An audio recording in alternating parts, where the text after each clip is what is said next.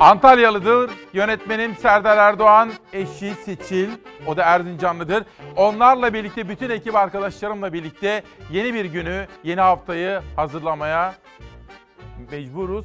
Ve şunu söylemek istiyorum, emin ellerdeyiz. Günaydın Türkiye'm. İsmail Küçükkaya ile yeni bir gün, yeni bir sabah hatta yeni bir hafta. 17 Şubat 2020 günlerden pazartesi. Dün öğleden sonra sosyal medyada şunu sordum. Neyi konuşmalıyız? Sizin gerçek gündeminiz nedir? Bu ülkeyi oluşturan halkımızın en fazla konuşulmasını istediğimiz konu nedir? Ve bu sabah şöyle bir manşet attık. Ekonomiyi konuşmayalım mı? İşte bugün ekonomiye dair manşetleri sizlerle bütün detaylarıyla paylaşacağım. Bunun dışında FETÖ, FETÖ'nün siyasi ayağı tartışması, bir de nereden çıktı bu? Bir darbe tartışmasıdır. Saçma sapan bir tartışmadır. Almış başını gidiyor. Hepsini konuşacağız. Ama ama öncelikle geçmiş olsun dileklerimde bulunmak isterim. Van, sevgili Van'a buradan geçmiş olsun diyorum. Deprem oldu, biz de hissettik ve dışarı çıktık. Van'ın Başkale ilçesinde 4,7 büyüklüğünde deprem meydana geldi. Çevre illerde de hissedilen deprem panik yaşattı. Çok şiddetli değildi ama yine de biraz e, lambalar falan sallandı. Korktunuz mu? Biraz. Saat 21.02'de meydana geldi deprem. Boğaziçi Üniversitesi Kandilli Rasathanesi depremin büyüklüğünü 4,7 olarak açıkladı. Derinlik ise 3,3 kilometre olarak kaydedildi. Sarsıntı çok şiddetli hissedilmedi ama korkuttu. Van'ın Başkale ilçesinin Kaşkol bölgesinde depremden korkan bazı vatandaşlar soğuk hava koşullarına rağmen dışarı çıktı. Malatya'da da 3,7 büyüklüğünde deprem oldu. AFAD tarafından yapılan açıklamada depremin Battalgazi ilçesinde meydana geldiği bildirildi. Van'ımıza geçmiş olsun diyorum. Her zamanki gibi deprem bölgesinde yaşayan kardeşlerimizi, Malatya'mızı, Elazığ'ımızı unutmadık ve unutmayacağız. Oralara da sizi götüreceğim. Bugün ekonomiyi konuşmayalım mı diye konuştuk. Konuşacağız. Manşetleri ekonomiden esnaf ve köylümüzden başlayarak iş dünyasına dair haber ve gelişmeleri de sizlere aktarma imkanı bulacağım. FETÖ'nün siyasi ayağı ve o saçma sapan darbe tartışmalarında yine sizlerle birlikte konuşma imkanı bulacağım. Ve yönetmenimden gazeteler istedim. Deprem ve alınması gereken tedbirler. İşte bu sabahki temel gündem maddelerimizden bir tanesi bu. Van'a geçmiş olsun dedim. Bu vesileyle şu anda hastane odalarında bizimle birlikte yeni güne başlayan ve gece uzundur hastalar için.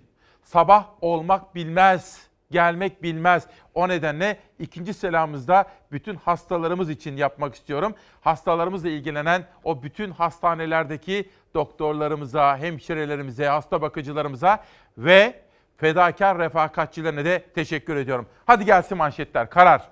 Çürük binalar barışa takıldı.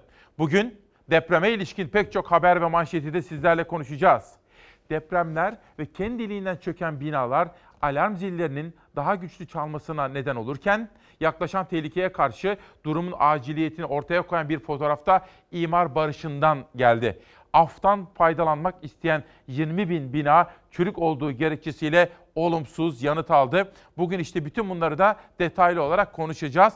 Nitekim geçen hafta Perşembe ve Cuma günü sizlere aktarmıştım.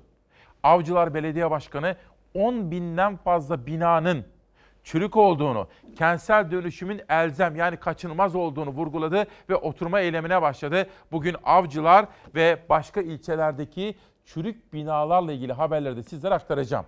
İlk haberimiz Van'dandı. Van'da meydana gelen deprem. Van'dan şimdi sizleri Malatya'ya ve Elazığ'a götürüyorum. Bu soğuk havalarda, karda, kışta Elazığ'daki, Malatya'daki kardeşlerimizi unutmuyoruz. Geçtiğimiz hafta yağan kar yurdun doğusunda hala yerde. Ancak deprem bölgesi de dahil doğu kesimlerde kar yağışı kademe kademe etkisini yitiriyor bu hafta. Bugün deprem bölgesinde hava kapalı ve soğuk ancak yağış yok. 6,8'lik depremle büyük acılar yaşanan Elazığ ve Malatya'da yaşam hiç kolay değil. Hava soğuk, evleri yıkılanlar, çadırlarda kalanlar için günlük hayat soğuk ve karlı havanın etkisiyle daha da zorlaşıyor. Bugün deprem bölgesinde hava zaman zaman kapatsa da kış güneşi görülecek. Elazığ ve Malatya'da depremzedeler bu hafta görece daha az yağışlı bir havayla karşı karşıya. Elazığ ve Malatya çevrelerinde gece saatlerinde termometrelerse yer yer eksi 8-10 derecelere kadar düşüyor. Gün Gündüz sıcaklıkları ise sıfırın üzerine en fazla 4-5 derece kadar çıkıyor. O da günün en sıcak zaman diliminde 1-2 saatliğine. Bugün yağış beklenmeyen deprem bölgesinde yarın bulutlar hafif ve kısa süreli yağış bırakabilir. Yağışlar yarın Elazığ ve Malatya'da karla karışık yağmurla yükseklerde kar şeklinde düşebilir. Gece saatlerinde depremi yaşayan Van'da ise kar yağışı devam ediyor. Akşam saat 9 sularında 4,7 büyüklüğündeki depremle sarsılan ve vatandaşların sokağa döküldüğü Van'da hava bugün gün boyunca kar yağışlı olacak. Termometre değerleri neredeyse hiç sıfırın üzerine çıkmayacak. Geçtiğimiz hafta yağan yoğun kar nedeniyle hala yerde kar örtüsünün durduğu Van'da bugün ve çarşamba günü yine kar bekleniyor. Böylece Van, Malatya, Elazığ'la haber yolculuğumuza başladık. Ekonomiyi konuşmayalım mı diye sizlere haberler veriyorum. Hafta sonunda Kültür ve Turizm Bakanı davet etti ve kendisine sorularımız vardı. Ertuğrul Özkök, Fatih Altaylı ve ben sizin çalar saatiniz Kültür ve Turizm Bakanı ile 2-2,5 saat konuştuk. Ege ve Çeşme konusunda verdiği bilgiler vardı. İşte burada notlarım. Biraz sonra detaylı olarak aktaracağım. Bu arada Canan Güllü hocamız Türk Kadın Dernekleri Federasyon Başkanı Mersin'de gitmişti. Mersin Belediye Başkanı ile konuşmuş. Mersin Belediye Başkanı yapıp etmeleriyle ilgili bana bilgiler gönderdi. Bugün yerel gazete manşetlerinde Mersin'den Diyarbakır'a, İzmir'den Edirne'ye, Kars'a kadar geniş bir alanda Türkiye yolculuğuna çıkacağız. İşte gördüğünüz gibi bugün bir taraftan Kültür Bakanı, bir taraftan çok farklı haberlerle ekonominin içinde bulunduğu durumu da sizlerle paylaşacağım. Dün Koç grubundan Karolin Koç Hanım'la ve 500 gönüllüyle birlikte bir kampanya başlattık. Kız çocuklarımızı okutacağız. Türk Eğitim Vakfı ile birlikte bir girişim bugün itibariyle başlıyor. Ondan da sizlere haberler vereceğim ilerleyen dakikalarda. Amacımız Mustafa Koç Burs Fonu'na gelir yaratmak, farkındalık oluşturmak ve kız çocuklarımızı okutmak. Ne kadar çok kız çocuğumuz okursa aydınlık gelecek konusunda kendimize ve ülkemize o kadar çok güvenebiliriz. Sözcü gazetesi FETÖ iktidarın izniyle 81 ilde 109 yurt açmış. İktidar FETÖ'ye ne istedilerse vermiş. CHP'li Gürsel Tekin, devletin resmi raporuna göre FETÖ'ye sadece yurt değil, okullar açması için kamu arazileri, dernek, vakıf izinleri de verilmiş dedi. Bugün İsmail Küçükkaya ile Demokrasi Meydanı'nda 17 Şubat 2020 sabahında FETÖ, FETÖ'nün siyasi ayağı gibi temel gündem maddelerini detaylı olarak konuşacağım. Sözcü'den Sabah gazetesine geçip sabahın bir FETÖ manşeti var. Onu da sizlere aktarmak istiyorum. Sabah gazetesi bugün FETÖ'cü Altaylı'nın şaibeli ziyaretleri manşetiyle çıkmış efendim. Sabah istihbarattan Nazif Karaman'ın özel manşeti. Almanya'nın FETÖ sevgisi Sincan'a ulaştı. Alman diplomatlar CIA ve FETÖ ilişkisinden hapiste yatan eski istihbaratçı Enver Altaylı'ya ziyaret rekoru kırdı. Bu sabah 6 köşe yazarından özetler sunacağım. Onlardan bir tanesi Dilipak. Akit gazetesi yazarı da FETÖ'nün CIA başta olmak üzere uluslararası istihbarat örgütlerinin nasıl taşeronu olarak kullanıldığına dair haberler var efendim. Bir haber daha gelsin Sabah gazetesinden sonra sözcüye geçeceğim tekrar. Faizler düştü, şimdi tam yatırım zamanı. Cumhurbaşkanı Erdoğan'ın sözleri. Sabah diyor ki, Başkan Erdoğan'dan iş dünyasına çağrı. Şimdi yatırım yapmayan geç kalır şeklinde bir haber Sabah gazetesinin birinci sayfasında. Saatler 7.24 oldu. İsmail Küçükkaya Demokrasi Meydanı'nda günün manşetlerini atıyoruz. Demek ki günaydın. Hızlı girdik değil mi? Tempolu, uyuşukluğa yer yok. Demek ki Van'daki depremle başladık. Malatya ve Elazığ'daki depremzedelerin durumu, ekonomi, esnaf, üretici, köylü ile ilgili çok detaylı haberler aktaracağım. Dünya Gazetesi'nde iş dünyasını etkileyen ve ilgilendiren manşetler de var. Spor dünyasından haberler aktaracağım. Trabzonspor bakın mesela bu önemli kitapta elime imzalı olarak geçti. Trabzonspor yıllar yıllar sonra 300'den fazla haftadan sonra Trabzonspor ligin zirvesinde efendim. Spor dünyasından haberleri de aktaracağım. Sivas Spor'u yenmeyi bildiler diyorum efendim. Gecenin bir başka önemli gelişmesi. Cumhurbaşkanı Erdoğan ABD Başkanı Trump'la görüştü. Cumhurbaşkanı Erdoğan Amerika Başkanı Trump'la görüştü. Trump görüşmede İdlib'de insani felaket yaşanmaması için Türkiye'nin çabalarını anımsattı. Erdoğan'a teşekkür etti. Cumartesi günü akşam saatlerinde Ankara-Washington hattında telefon diplomasisi kuruldu. Cumhurbaşkanı Recep Tayyip Erdoğan, Amerika Birleşik Devletleri Başkanı Donald Trump'la telefonda görüştü. Cumhurbaşkanlığından yapılan açıklamaya göre iki lider İdlib ve Libya'da yaşanan gelişmeleri, iki ülke arasındaki ilişkileri ele aldı. Trump, rejim güçlerinin Türk askerine saldırısının kabul edilemez olduğunu söyledi. Görüşmeye ilişkin bir açıklamada gece saatlerinde Beyaz Saray'dan geldi. Açıklamada Başkan Trump Suriye'nin İdlib ilindeki şiddete ilişkin endişelerini dile getirdi denildi. Trump'ın Erdoğan'a Türkiye'nin insani bir felaketi önlemek için gösterdiği çabalardan ötürü teşekkür ettiği açıklandı. İki liderin telefon görüşmesinde Rusya'nın Esad'a verdiği desteği sona erdirmesi gerektiğini dile getirdi Trump. Libya'da ise dış güçlerin müdahalesinin durumu daha da kötüye götüreceğini söyledi. Gecenin ve sabahın en sıcak gündem maddeleriyle başladık. Ekonomiyi konuşmayalım mı? Dün sosyal medyadan bunu sordum sizlere hazırlıklarımı yaparken. Bir büyüğüm de bunu söyledi. İsmail Bey hepsi önemli dedi. Ama dedi ekonomi esas gündem maddesi olmalı değil mi? İşte etiketimizi buradan seçtik. Tevfik Diker sizlere selamları var. Değerli İsmail Bey kardeşim.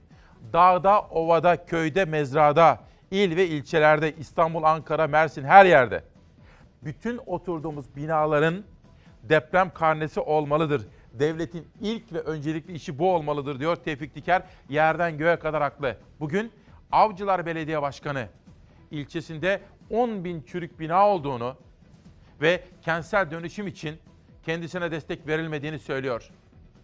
İşte onun sesini de duymak ve duyurmak bizim görevlerimizden biri. Sabahtan Sözcü'ye geçiyorum.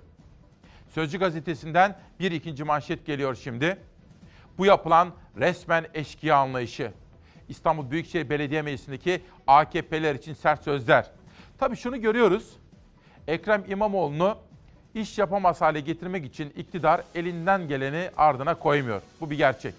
Onu böyle adeta boğma operasyonu yapıyorlar.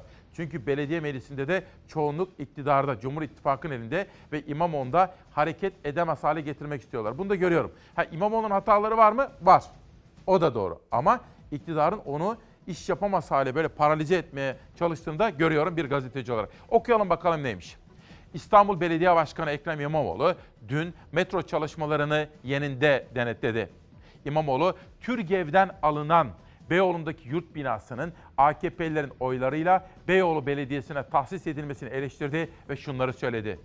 Bu resmen meclisteki çoğunluk üzerinden eşkıyalık anlayışı, eşkıyalık duruşu. İstanbul halkının malını gasp edemezler. Kararlı bu kararı yok hükmünde sayıyoruz ve biz hiçbir şekilde bunu yürürlüğe koymayacağız dedi efendim. İşte böylesine dop dolu bir gün bizi bekliyor. Suriye'de olup bitenler biz bu ülkede, bu cennet yurtta yaşayanlar için ders olmalı. Şunu hiç unutmayalım olur mu? Halklar için, toplumlar için en büyük utanç kaynağı kardeş kavgasına düşmek ve iç savaş utancının içinde boğulup gitmektir. Suriye'ye bakıp bakıp almamız gereken dersler var. Suriye'yi terör örgütlerinden ve rejimin zulmünden temizlemeden bize huzurla uyumak haramdır. Biz bu yolda gerekirse ölmeyi göze aldık. Varsa aynı fedakarlığı göze alan Hodri Meydan diyoruz. Cumhurbaşkanı Erdoğan İdlib düğümünü çözme konusundaki kararlılığını ölmeyi göze aldık sözleriyle dile getirdi. Rejime belirlenen sınırlara dönmesi için Şubat sonuna kadar verdiği süreyi de biraz daha öne aldı. Bunu dostlarımızın desteğiyle gerçekleştirebilirsek memnuniyet duyarız. Yok bu işi zor yoldan yapmamız gerekiyorsa biz ona da varız. İdlib'deki çözüm rejimin saldırganlığının bir an önce durdurulması ve daha önce varılan anlaşmalardaki sınırlara çekilmesidir. Aksi takdirde Şubat ayı bitmeden biz bu işi yapacağız. Türkiye'nin Suriye'de davetsiz misafir olduğunu öne sürenlere Adana mutabakatını hatırlattı Cumhurbaşkanı. Biz Adana mutabakatıyla Suriye'ye biz davetliyiz. Davetsiz misafir olduğunu iddia ettikleri Türkiye'ye yönelik saldırılara hak verenler aynı zamanda dünyanın dört bir yanında kendileri içinde benzer bir yolu açtıklarının farkında mı? Onlara davet var mı? Yok. Davetli olanlar da acaba orada ne yapıyorlar? Davet ettiği Türkiye'nin buradaki varlığı rejimin davetinden daha mı az meşrudur? Rejim için siyasi mefta benzetmesi yapan Erdoğan'ın hedefinde hava saldırılarında Esad rejimine destek veren Rusya'da vardı. Rusya'nın kendi halkına düşman bir rejime toprak kazandırma çabası suni solunumla onun ömrünü uzatma gayretinden başka bir şey değildir. Bir süre sonra suni solunum da işe yaramayacak. Rejim tümüyle bir celsede inşallah cesede dönüşecektir. Cumhurbaşkanının Türkiye'nin Suriye topraklarındaki varlığından rahatsız olanlara da mesajı vardı. Türkiye'nin Suriye topraklarını işgal ve ilhak gibi bir niyeti asla söz konusu değildir. Tam tersine biz Suriye topraklarının işgalinin ve ilhakının önüne geçmenin gayreti içindeyiz. Kendi halkına saldırmakta pek bir şahin kesilen zalim rejime kol kanat gerenler Türkiye'nin bu çarpık denklemi bozmakta kararlı olduğunu hala görmüyorlar mı? Türkiye kararlılığını sadece Erdoğan'ın sözleriyle göstermedi. Suriye sınırına askeri sevkiyat da tüm hızıyla sürüyor. Türkiye'nin farklı birliklerinden gönderilen obüs, tank, mühimmat ve zırhlı iş makinelerinin yanı sıra çok sayıda komando da Hatay'da. 17 Şubat 2020 günlerden pazartesi Can annesi Betül Hanım'a sormuş. Anne demiş İsmail abi niye kız çocuklarını okutmaktan bahsediyor? Daha önce de çağdaş yaşam için yapmıştı demiş. Bakın şu anda evde. Can'a annesi de demiş ki oğlum demiş erkek çocukları iyi kötü okuyorlar ve iyi kötü hayatlarını idame ettirebiliyorlar. Onun için kız çocukları üstelik de anne oldukları için daha önemli demiş Betül Hanım evladı Can'a. Ali Bey, İsmail oğlum günaydın. Sevgi annenin çok selamı var. Hayırlı haftalar diliyor diyor. El örgü işini eline aldı. Şimdi seni izliyor. Ekonomiyi konuşmayalım mı? Tabii ki konuşalım diyor. Ali Tabakoğlu ve kıymetli eşi Sevgi anneye de sevgiler, saygılar. Sözden bir haber daha gelsin.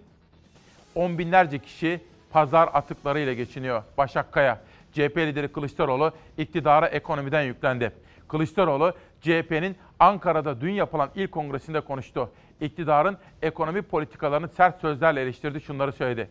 Türkiye'de on binlerce kişi pazar atıklarından, çöplerden geçiniyor. Lütuf olarak yardım yapıyorlar.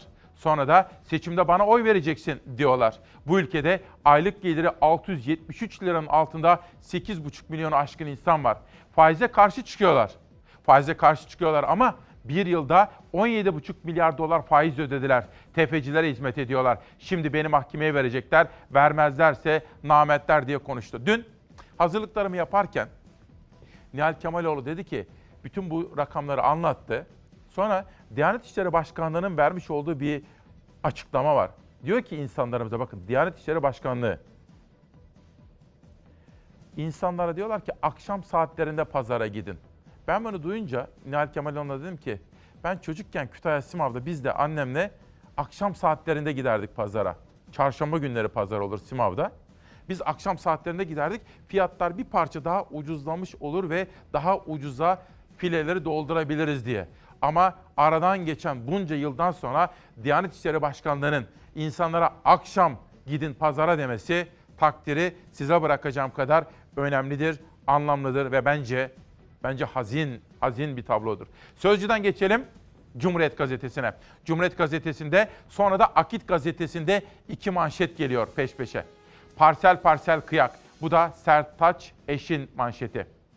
Gökçek yönetimindeki Ankara Büyükşehir Belediyesi FETÖ'cülerin kooperatifi için seferber olmuş. FETÖ'nün siyasi ayağına ilişkin tartışma sürerken AKP'li Melik Gökçek döneminde FETÖ'cü yargı üyelerinin kurduğu konut kooperatifine çok sayıda ayrıcalık tanındığı ortaya çıktı. Buna göre Emniyet Genel Müdürlüğü'nün akademi yapmak için hazineden istediği Keçiören'deki yaklaşık 1.9 milyon metrekarelik arazi ederinden düşük bir bedelle FETÖ'cülerin eline geçti. Büyükşehir Belediyesi imarı olmayan arsanın planlarını yapma işini firari bir FETÖ'cünün şirketine verdi. Belediye Meclisi arsada emsal artışı yaparak komşu arsalardan 3 kat daha fazla inşaat yapılmasının önünü açtı. Arazide konut yapmak için kurulan kooperatifte ise firari savcı Sakınan, eski Yargıtay Genel Sekreteri Boş Gelmez ve Kozmik Oda'nın savcısı Bilgin de yer alıyor. Parsel Parsel Kıyak isimli manşet haberde Cumhuriyet Gazetesi işte bugün bunu söylüyor. Gördüğünüz gibi bugün gerçekten dop dolu bir gün ve gündem bizi beklemekte. Ve takipçisi olduğumuz, dikkatle izleyip yakın takip listemize aldığımız haberlerden biri de dünyayı kasıp kavuran, etkisi altına alan koronavirüsü. Son 24 saatte ölen 142 kişiyle birlikte koronavirüsünden hayatını kaybedenlerin sayısı 1670'e yükseldi. Çin yönetimi ise hastalığın yayılma hızının düştüğünü açıkladı.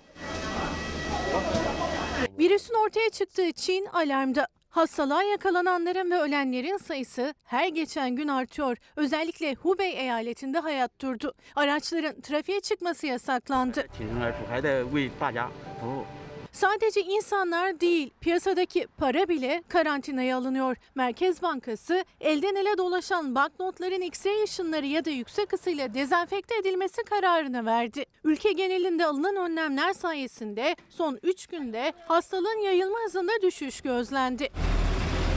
Virüsle mücadele eden tek ülke Çin değil. Bir kişinin hayatını kaybettiği Japonya ise limanda demirli yolcu gemisi yüzünden alarmda. Karantina altındaki gemide 355 kişide virüs tespit edildi. Avrupa'da diken üstünde. Koronavirüsü Fransa'da 11 kişiye bulaştı, bir kişinin ölümüne neden oldu. Dünya Sağlık Örgütü hastalığın görüldüğü ülkeleri uyardı. impossible to predict Bu salgının nereye gideceği belirsiz. Tıp dünyası ise virüse çare arıyor. Henüz bir sonuca ulaşılamadı. Hazırlanan 3 ilacın testleri sürüyor. Ekonomiyi konuşmayalım mı? 17 Şubat'ta 6 köşe yazarından alıntılar yapacağımı söylemiştim. Bunlardan bir tanesi Cumhuriyet Gazetesi yazarı Barış Terkoğlu. Bu bir anda darbe konuşmaya başladık. Televizyonlara bir bakıyorum haber kanallarına. Darbe mi? Hoppala. Nereden çıktı? Barış Terkoğlu bunun arka planını yazmış. Neyi planlıyorlar?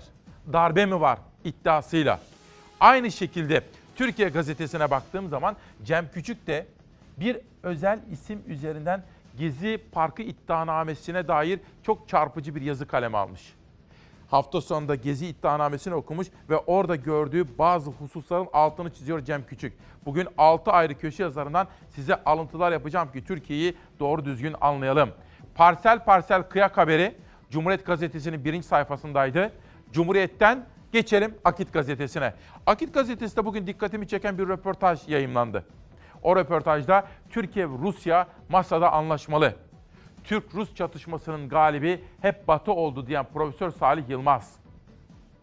Bakın Barış Terkoğlu, pardon Serdar, Barış Terkoğlu bugünkü yazısında bu yeniden dolaşıma sürülen darbe marbe ol- olmayacak. Öyle bir şey yok. Ama bu darbe söylentilerinin aslında Türkiye ile Rusya arasındaki ilişkilere, Batı ülkeleri, Amerika, bütün bu pencereden bakış aslında altı çizilesi önemli detaylar var efendim. Okuyalım. Türkiye'nin başta sığınmacılar olmak üzere terörle mücadelesinde yalnızlaştırılmaya çalışıldığını vurgulayan Ankara Yıldırım Beyazıt Üniversitesi üyesi ve Ankara Rusya Araştırmaları Enstitü Başkanı Profesör Doktor Salih Yılmaz, Türkiye ve Rusya'nın masada anlaşması gerektiğinin altını çiziyor. Türk-Rus ilişkilerini ve İdlib krizini de değerlendirmiş ve Amerika'nın bu gerilimi körüklediğine dair de uzun uzun analizler var. Üstelik bölge ülkeler arasındaki çatışmalı iklimin de aslında Amerika'nın da Batı ülkelerinde işine geldiğinin altını çiziyor. Bu röportajda son derece önemli bilgiler de yer alıyor efendim. Çok farklı haberler var. Biraz sonra bugünün adını beraber koyacağız. 17 Şubat tarihimizde hangi güne denk gelmektedir? Ama önce bir vapur, bir restorasyon çalışmaları ve tarihe saygı. Bir tarih daha toplu taşımadaki rolüne geri dönüyor. Tarihi Paşabahçe vapuru restorasyona hazırlanıyor. Yıl 1952. Paşabahçe vapuru İtalya'da bir savaş gemisi olarak inşa edildi. İkinci Dünya Savaşı sona erdiğinde bir gecede şehir hatları vapuru formuna çevrildi. İtalya'nın Taranto şehrinden iki buçuk günde İstanbul'a getirildi. 67 yaşında kaderine terk edilen vapur tekrar boğazın serin sularına açılmak için zaman tutuyor. İstanbul Büyükşehir Belediyesi toplu ulaşımda denizin payının artırılması çalışmalarına tüm hızıyla devam ediyor. Moda ve Barış Manço gemilerinin ardından Paşabahçe vapuru tekrar hizmet vermek için yenileniyor. Beykoz Belediyesi tarafından İstanbul Büyükşehir Belediyesi'ne devredilen vapur baştan aşağı yenilenmek için Haliç Tersanesi'ne çekilecek. Belediyede görevli uzmanlar vapurda incelemelerde bulundu. Hasar tespit çalışması yaptılar. İncelemelere göre vapurun dış metali korozyona uğramış. Vapurun saç aksamı tamamen kullanılamaz durumda. Paşabahçe vapuru İstanbul Büyükşehir Belediyesi şehir hatları tarafından 2 yıl boyunca yoğun yenileme çalışması görecek. Ve günün en sıcak tartışma maddelerinden birine geçeceğim ama önce Emre Kayıs. İsmail Bey bir çocuk var diyor. Annesiyle birlikte Almanya'ya gitmesi gerekiyor. Ne olduğunu anlamadım. Tabii canlı yayın telaşı içinde sizlerle okuyorum, paylaşıyorum. Ama yayından sonra takip listeme alayım. Hürriyet gazetesine bugün bir baktığım zaman çok çarpıcı bir analiz görüyorum. Meğer namazı gizli kılarmış. Nedim Şener biliyorsunuz Posta Gazetesi'nden Hürriyet'e geçti ve bir süredir Hürriyet Gazetesi'ne yazıyor. Eski Genelkurmay Başkanı Hilmi Özkök önceki akşam benim de konuk olduğum CNN Türk masasına bağlandı ve bir sırrını Türkiye ile paylaştı diyor Nedim Şener. İlk defa açıklıyorum. Generalliğime yakın namaza başladım. Ama mesai saatlerinde değil, akşamları evimde kıldım dedi. Oysa meclis komisyonuna harp okulunda da kıldıklarını söylemişti. TSK'da ibadete engel yokken bu gizlilik neden? Peki cemaatle beraber olunması gereken cuma namazlarını nerede kıldı diye soruyor Nedim Şener. Haklı sorular. Bugünkü köşesinde son derece haklı ve yanıt bekleyen soruları sormuş. Efendim benim bu Hilmi Özkök dönemine ilişkin çok ciddi kuşkularım var. Çok ta o günlerden beri. Ha biliyorum ben bunu İlkay Sezer'e de sordum. Hatta İlkay Sezer o da asker kişi. Ama asıl İlker Başbuğ'la konuştum. İlker Başbuğ savunuyor. Diyor ki alışa geldiğiniz askerlerden değildir diyor. Ama anlatıyor, savunuyor.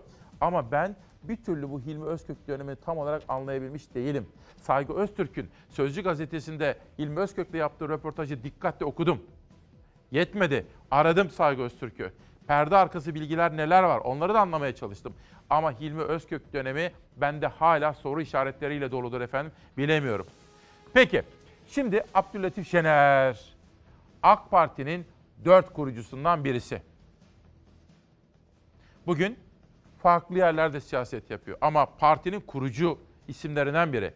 İlk kurulduğu dönemde ekonominin başındaydı. Özelleştirmelerin başındaydı. MGK'lara girerdi.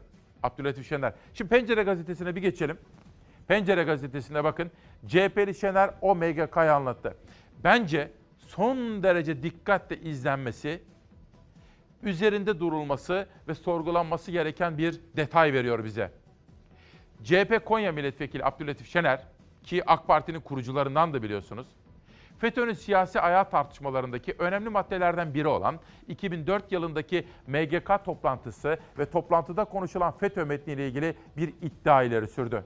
Dönemin hükümetinde yer alan isimlerden eski AK Parti kurucularından Abdülatif Şener, 2004 yılındaki MGK toplantısında konuşulmadan imzalanan FETÖ ile mücadele metninde dönemin Başbakan Yardımcısı Mehmet Ali Şahin'in imzasının bulunmadığını söyledi.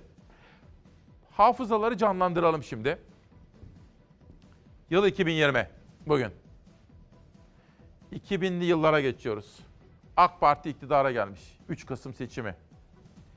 Milli Güvenlik Kurulu toplantısı yapılıyor.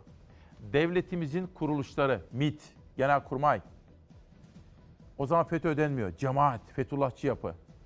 Bu konuda raporlar hazırlamışlar. Abdullah Gül'ün başbakanlığı, akabinde Erdoğan'ın, Recep Tayyip Erdoğan'ın başbakanlığı, AK Parti hükümeti, Abdülatif Şener de içeride. Hükümete Fethullahçı yapı konusunda hazırlanmış raporlar sunuluyor. Dikkatle dinlemeye var mısınız? Can kulağıyla. Hiçbir sunum yapılmamıştır. Hiçbir tartışma yapılmamıştır. Başka konular görüşülürken önümüzden bir imza metni geçti. Baktık ki işte FETÖ ile mücadele ile ilgili bir şeydi bu metin. Gül vardı yanımda. Gül'den sonra da başbakan vardı. Erdoğan vardı. Gül'e dedim ki bu karar e, neyin nesi yani hiçbir şey konuşmadık. Ben günde şeye açayım dedim bunu. Konuşmaya gündeme açayım dedim. Sakın sakın dedi, sakın konuşma dedi. Başbakan bana söyledi, hiç kimse konuşmayacak, konuşulmadan imzalanacak. Ben imzaladım. E, Mehmet Ali Şahin yanımdaydı. O imzalamadı. Dikkat ederseniz o imza metninde Mehmet Ali Şahin yoktur. Üzerinde bulun, bulunmadı yazılmış. Basına sızan metinlerde. Bulunmadı dedik.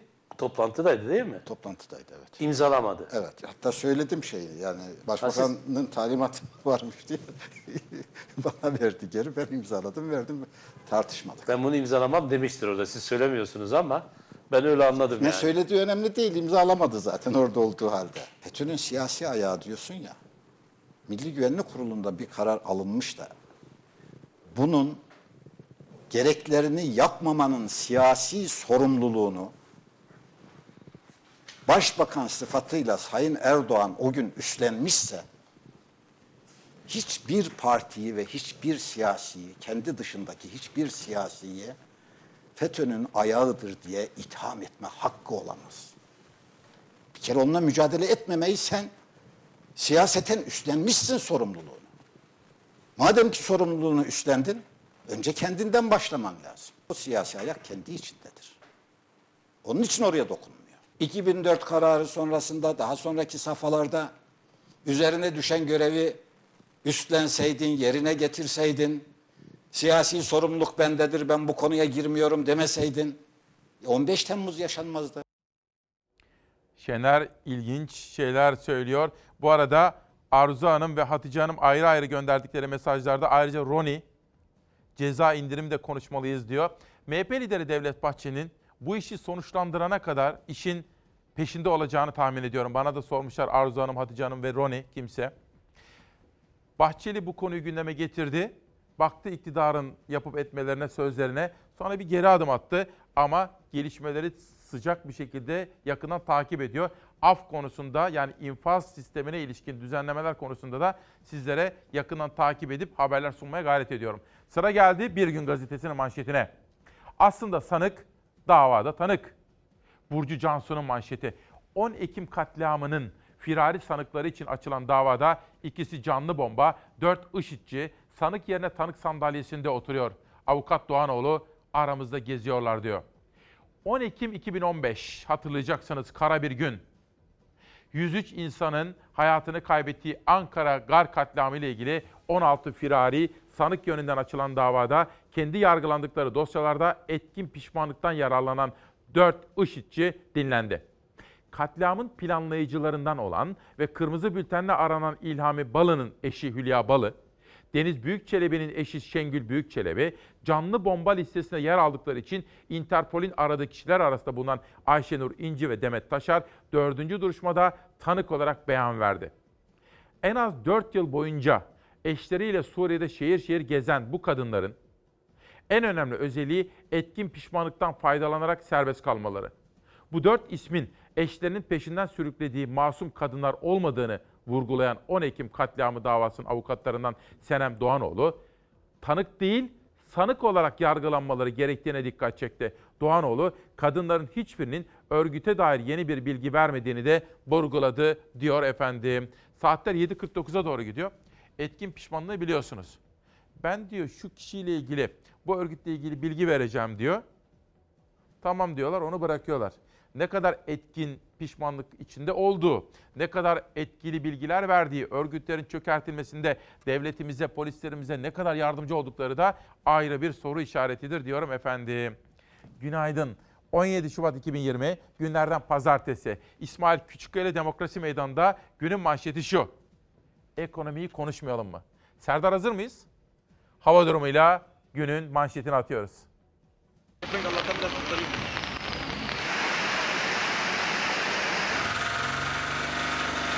Bodrum'da yaralar sarılmaya çalışılıyor. Sağanak sonrası yaşanan su baskınlarının yol açtığı hasarı gidermek için çalışmalar sürüyor. Gelin görün bak belediyenin haline, zarar, ziyana her şey gelin bakın görün. Gelin görün. Her yer sular altında, her yer.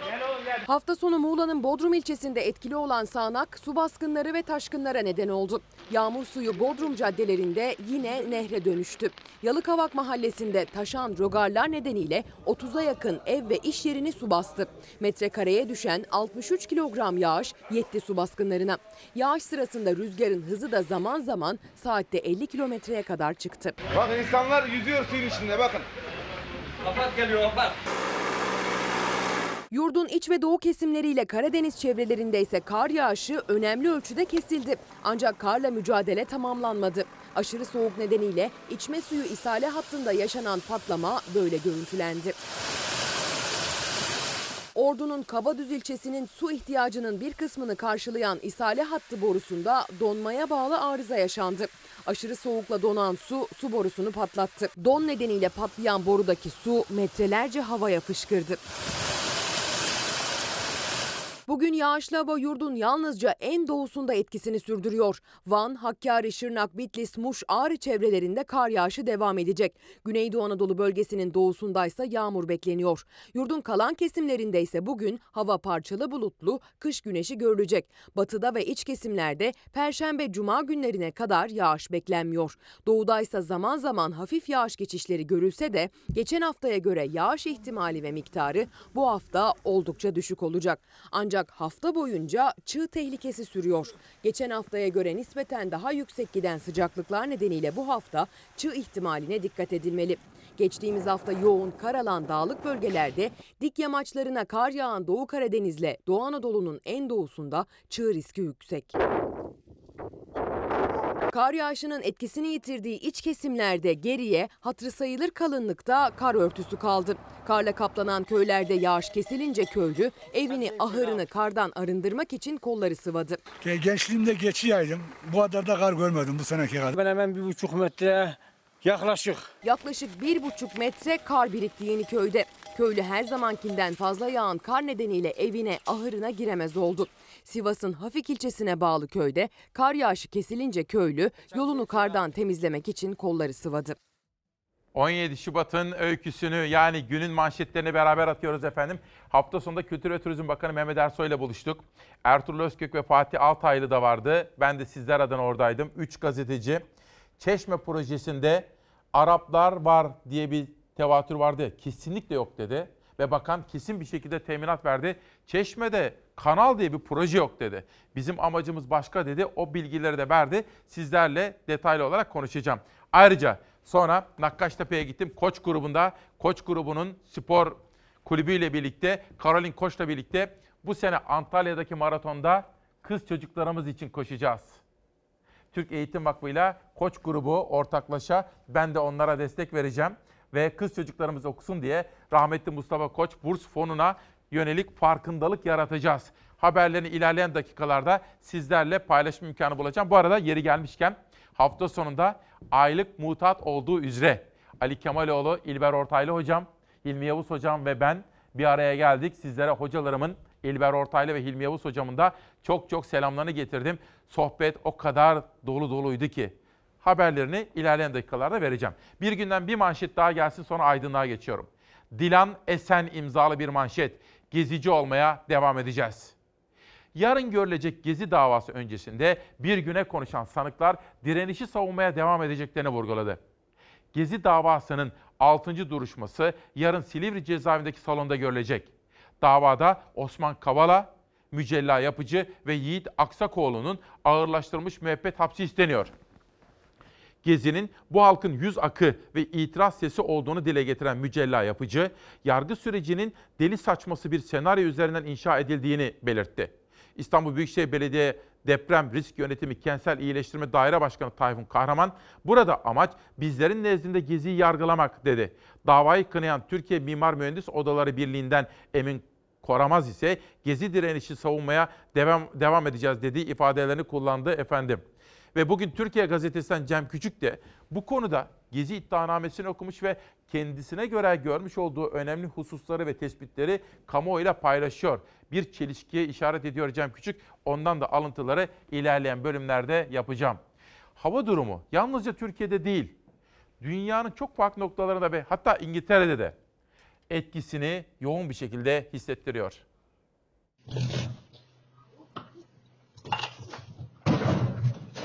Fırtınada yerden havalanan 9 kiloluk kontraplak adamın kafasına çarptı. İngiltere, Avrupa'da büyük hasara yol açan Sierra fırtınasının ardından deniz fırtınasının etkisi altına girdi. Fırtınada dinmek bilmeyen yağmur sokakları göle çevirdi.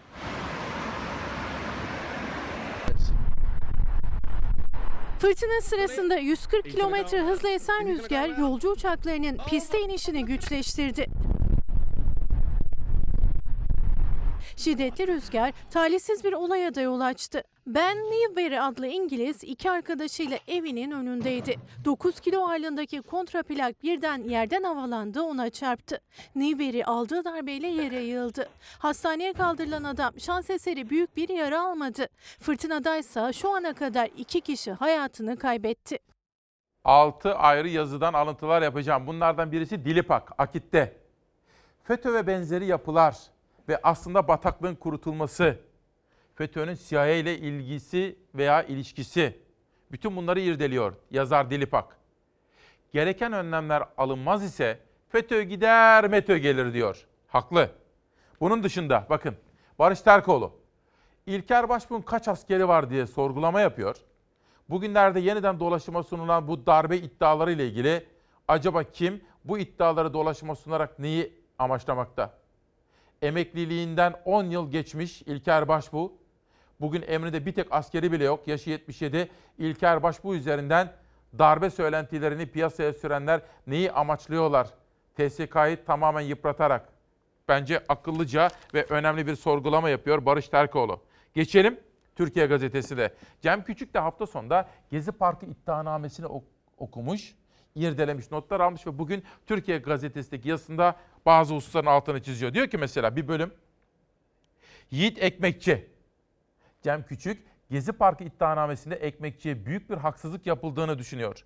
İmam Hatipli 120 arkadaşımızı kendi imkanlarıyla Bilgi Üniversitesi'nde okutan isimdi Yiğit Ekmekçi. YÖK'ün bütün baskılarına rağmen Bilgi'de kafelerde sınavlar yapıyordu. Bu zorbalığa rağmen direnerek yani Bilgi'de kafelerde sınavlar yapılıyor. Bütün bu zorbalıklara rağmen direnmişti. Sınavların yapılmasını sağlayan da Yiğit Ekmekçiydi diyor. İşte bakın çok farklı köşe yazılarından sizlere gündeme dair önemli haberler sunmaya çalışıyorum. Bir günden bir haber daha gelsin. Olağan görünümlü, olağanüstü rejimdeyiz diyor Mehmet Emin Kurnaz'ın manşeti. Hukuk profesörü Semih Gemalmaz. Süreklilik arz eden olağan görünümlü bir olağanüstü rejimi yaşıyoruz diyor. Gemalmaz, bekçilerin yetkisinin silahlı bir milis gücü oluşturma amacıyla artırıldığını belirtiyor. Gemalmaz şöyle devam ediyor. Mesele sadece iktidarın ne kadar basiretli davranıp davranmadığında değil. Bir de bu basiretsizlik üretiminde rol oynayan kişilerin tarihsel sorumluluğunu da unutmamaları diyor efendim. Unutmamalı diyor. Peki Bir Gün Gazetesi'nden Aydınlık grubunun manşetine geçelim. Uçak krizi sendromu. Çiftçide ve turizmcide Rusya endişesi. Ama bir dakika Serdar. Sabah verdim ama uyananlar var görüyorum. Havalar buz gibi soğuk. Devletimiz bütün imkanlarını seferber etti mi? Sizi şimdi Malatya'ya ve Elazığ'a götürüyorum. Geçtiğimiz hafta yağan kar yurdun doğusunda hala yerde. Ancak deprem bölgesi de dahil doğu kesimlerde kar yağışı kademe kademe etkisini yitiriyor bu hafta. Bugün deprem bölgesinde hava kapalı ve soğuk ancak yağış yok.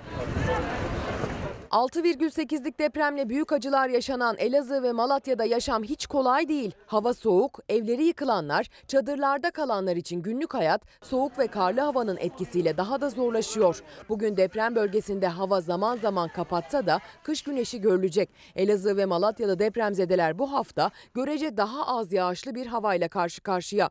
Elazığ ve Malatya çevrelerinde gece saatlerinde termometrelerse yer yer eksi 8-10 derecelere kadar düşüyor. Gündüz sıcaklıkları ise sıfırın üzerine en fazla 4-5 derece kadar çıkıyor. O da günün en sıcak zaman diliminde 1-2 saatliğine. Bugün yağış beklenmeyen deprem bölgesinde yarın bulutlar hafif ve kısa süreli yağış bırakabilir. Yağışlar yarın Elazığ ve Malatya'da karla karışık yağmurla yükseklerde kar şeklinde düşebilir. Gece saatlerinde depremi yaşayan Van'da ise kar yağışı devam ediyor. Akşam saat 9 sularında 4,7 büyüklüğündeki depremle sarsılan ve vatandaşların sokağa döküldüğü Van'da hava bugün gün boyunca kar yağışlı olacak. Termometre değerleri neredeyse hiç sıfırın üzerine çıkmayacak. Geçtiğimiz hafta yağan yoğun kar nedeniyle hala yerde kar örtüsünün durduğu Van'da bugün ve çarşamba günü yine kar bekleniyor.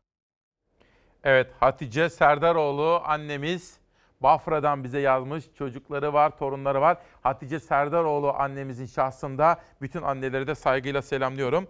Bir arkadaşım diyor ki sevgili İsmail Bey, liyakatten bahsedelim biraz. Özel kurumları geçtik. Devlet bile kendi kurumlarına personel alırken neye göre seçiyor? Liyakat var mı? Yani işi ehline veriyorlar mı? Bu da yine çok anlamlı sorulardan birisi olsun. Uçak krizi sendromu, çiftçide ve turizmcide Rusya endişesi. İdlib gerginliği uçak krizi günlerini hatırlattı. O dönemde 10 milyonlarca dolar zarara uğrayan üreticiler ve turizmciler gerilimin aşılması için hükümetin dikkatli olması gerektiğini belirtti. Tabii Türkiye'yi pimpon topu gibi bir oraya bir oraya attırmamak gerekiyor. Türkiye, Rusya'nın da emperyal bir güç olduğunu, Amerika'nın da Çin'in de emperyal birer güç olduğunu unutmaması gerekiyor. Aklınıza şu gelebilir. Bu arada Serdar rica etsem sabah gazetesine gelir misin? Aklınıza şu gelebilir. İsmail tamam da Rusya emperyal güç peki. Amerika öyle, Çin, Hindistan mı? Ne yapıyor? Büyük Önder Atatürk'ün söylediğini yapacağız. Tam bağımsız Türkiye Cumhuriyeti politikası, barışçıl, Suriye'nin, İran'ın, Irak'ın, bütün bölge ülkelerinin toprak bütünlüğünü savunan, ülkelerin bölünmesine karşı çıkan ve başka ülkelerin iç işlerine karışmayan tam bağımsız dış politika. Amerika'nın da yörüngesinde değil, Rusya'nın da Çin'in de. Her biriyle iyi ilişkiler kuran ve sadece kendi ülkesinin çıkarlarını ilkesel olarak savunan bir ülke. Aklınıza gelebilir. Çözüm burada. Sabahtan bir de sür manşete gideceğim. Trabzonspor'la ilgili bir manşet. Bugün Tuğba Kalçık, Trabzonspor'un kullandığını düşünmüyorum diyen Alişen'le konuşmuş. Fenerbahçe'nin eski başkanı Alişen, siyasetçiler bir takımı tutabilir. Bu normaldir ama kimse tuttuğu takımı şampiyon yapamaz. Trabzonspor'un kadrosu çok iyi. Kullandıklarını düşünmüyorum diyor. Şimdi bakın Trabzonspor'un hakkı da yenmesin. Ama şunu da söyleyelim. Ulaştırma Bakanı'nın Trabzonspor bu sene şampiyon olacak şeklindeki sözleri doğru değildir. Nitekim uçakta da bunu söyledi Cumhurbaşkanı Erdoğan. Ve diğer bakanlarla ilgili de Fenerbahçe camiasında oluşan tepkilerden sonra Cumhurbaşkanı Erdoğan kendi bakanlarını da uyardı. Bunun da altını çizelim efendim. Alişer'in bu konuşması bugün çok konuşulur. Fikret Ünlü, benim de Ankara'daki muhabirlik günlerimden yakından tanıdığım bir devlet adamı. Çok yakından tanıdığım bir isimdir. Örnek olacak bir isimdir. Bir ağaç gölgesi gibi geldi geçti Fikret Ünlü. Onu maalesef erken kaybettik ve eşinden sevgili İsmail Fikret'in bu kitabı kendisi imzalamak isterdi, olmadı dedi, dostlukla dedi. Ama biz Fikret Ünlü ve onun değerlerini de savunmayı ve yaşatmayı da sürdüreceğiz. Bizim temel felsefelerimizden bir tanesi bu. Aramızdan göçüp giden insanları da onların isim ve eserleriyle, ülküleriyle yaşatmaktır. Mesela bugün 17 Şubat. 6 yazardan birisi de Yekta Güngör Özden. Bugün yazısında Çağdaş Yaşamı Destekleme Derneği Başkanı, bugünkü ve geçmişteki başkanlarından alıntılar yapıyor. Örnekler veriyor isim isim. Tek tek herhangi birinin ismini söyleyecek değilim. Nazan Moroğlu hocamız insan hakları aktivisti orada ondan alıntılar yapıyor. Bugün kadınlar ve kadın haklarına saygı duyan siz değerli erkekler. Bugün Şubat'ın 17'si 2020. Geçelim ta Cumhuriyet'in ilk kurulduğu günlere 1926'ya. Cumhuriyeti kuran büyük önderimiz Gazi Mustafa Kemal Atatürk hayalini kurduğu medeni bir hayatı inşa etmek için tam da bugün yıl dönümün kadınlarımıza o hakları veren medeni kanunu kabul ettirdi. Atatürk ve bakanlar Büyük Millet Meclisi'ne geliyorlar.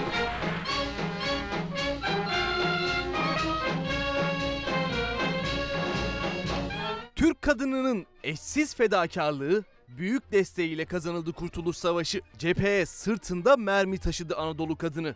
Oğlunu gözünü kırpmadan cepheye yolladı. Dünyada görülmemiş bir kahramanlıktı Anadolu kadınının yaptığı. Cumhuriyetin temellerinde hepsinin emeği vardı. 1923'te Cumhuriyet kurulmuş ama kanun önünde kadın erkek eşitliği henüz sağlanmamıştı. Cumhuriyetin ilanından sonra Atatürk inkılaplarına hız verdi. Onlardan en önemlisi de kadın hakları konusuydu. Türkiye Büyük Millet Meclisi aylarca çalıştı. İsviçre Medeni Kanunu örnek alındı. kadın erkek ilişkileri düzenlendi. 17 Şubat 1926'da Türk Kanunu Medenisi mecliste kabul edildi. 4 Ekim 1926'da da yürürlüğe girdi.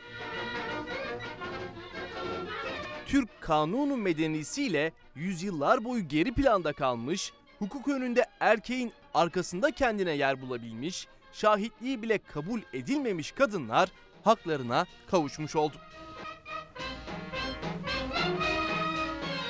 Kanunu Medeni ile birlikte ailede kadın erkek eşitliği sağlandı. Evlilikte resmi nikah zorunluluğu getirildi. Tek eşle evlilik esası geldi. Kadınlara istedikleri mesleğe girebilme hakkı tanındı. Mahkemelerde tanıklık yapma, miras ve boşanma konularında kadın erkek eşit hale getirildi. Türk kadını bu hakları kazandığında dünyanın çoğunda kadınlar hala ikinci sınıf vatandaş muamelesi görüyordu. Cumhuriyeti kuranlar Türk kadınına hak ettiği o hakları en kısa zamanda teslim etti. 1926'da yürürlüğe giren Kanunu Medeni 1 Ocak 2002'de güncellendi. Ama Medeni Kanunun temeli aynı kaldı. Atamıza hem mahcubuz hem de borçluyuz öyle değil mi? Hayalini kurduğu Türkiye Cumhuriyeti'ni tam olarak gerçekleştirebilmiş değiliz. Daha gidecek çok yolumuz var. Biz Cumhuriyet kuşaklarının atamıza borcu var efendim. Cumhuriyetimizi demokrasiyle taçlandırmak durumundayız. Gerçek anlamda medeni ve müreffeh bir hayatı, tam bir barış ülkesi. Atamızın ideali şuydu. Şimdi mesela ben Diyarbakır doğumluyum diyelim. Siz İzmir doğumlusunuz. Diyelim ben fakirim, siz zenginsiniz. Fark etmez. Cumhuriyet yani Türkiye Cumhuriyeti adı altında devlet hepimizin, bu vatan hepimizin eşit imkanlara sahibiz. Ki devletimiz bunu yapmıştır. Bugün bir Kasımpaşalı Cumhurbaşkanı olduysa, bir Ispartalı Cumhurbaşkanlığı yapmışsa, bir Kayserili, bir köylü çocuğu, bir esnaf çocuğu Cumhurbaşkanlığı yaptıysa bunu Cumhuriyetimize borçluyuz efendim. Mutlak manada eşitlik. Türkiye Cumhuriyeti vatandaşlığı temelinde. Bunun dışında farklılıklarımız var mı? Var olacak. Onlar bizim gururumuz, hakkımızdır. Dilimiz, dinimiz, tercihlerimiz şunlar her şey olabilir. Ama değil mi ki Türkiye Cumhuriyeti'ni seviyor ve bu ülkenin eşit yurttaşıyız? Farklılıklarımız bizim zenginliğimizdir. Günün manşetine geliyorum. FETÖ iktidarın izniyle 81 ilde 109 yurt açmış.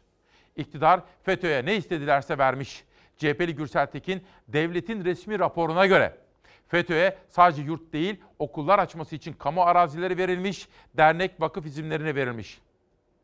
CHP'li vekil Gürsel Tekin, FETÖ'ye parsel parsel arazi verenlerin yüzü kızarmıyor. Bir de milleti FETÖ'cülükle suçluyorlar dedi ve resmi makamlar tarafından hazırlanmış bir rapordan bilgiler paylaştı. Rapor FETÖ ile ilgili her şeyi ortaya koyuyor. Rapora göre FETÖ'cülere özel okul açması için toplam 934 kamu arazisi tahsis edilmiş. 81 ilde 109 yurt açmaları sağlanmış. Bunların yanında bir dönem cemaatin 104 vakfına kamu yararı statüsü verilmiş. Ayrıca 1125 adet dernek kurmalarına da ona çıkmış denilmekte. 15 gün kadar önce belki de 3 hafta oldu. Erdoğan Aktaş Haber Global'de İlker Başbuğ'u ağırladı. Erdoğan daha sonra oradan ayrılmak durumunda kaldı. Aradım. Bu meseleyle ilgisi yok. Başka meseleler nedeniyle ayrılmak durumunda kaldım dedi. Erdoğan Aktaş İlker Başbuğ'a bir soru sordu. Dedi ki Sayın Başbuğ siz FETÖ'den cezaevinde yattınız. FETÖ kumpasları sonucunda. Genelkurmay Başkanı yapmış bir isimsiniz. Bu FETÖ'nün siyasi ayağı deniliyor, konuşuluyor somut bilgi var mı elinizde dedi. Ve Erdoğan'ın bu sorusu üzerine Pandora'nın kutusu açıldı. Vardır ya Pandora'nın kutusu. Pandora'nın kutusu açılınca ortaya nelerin saçılacağını kimse bilemez değil mi?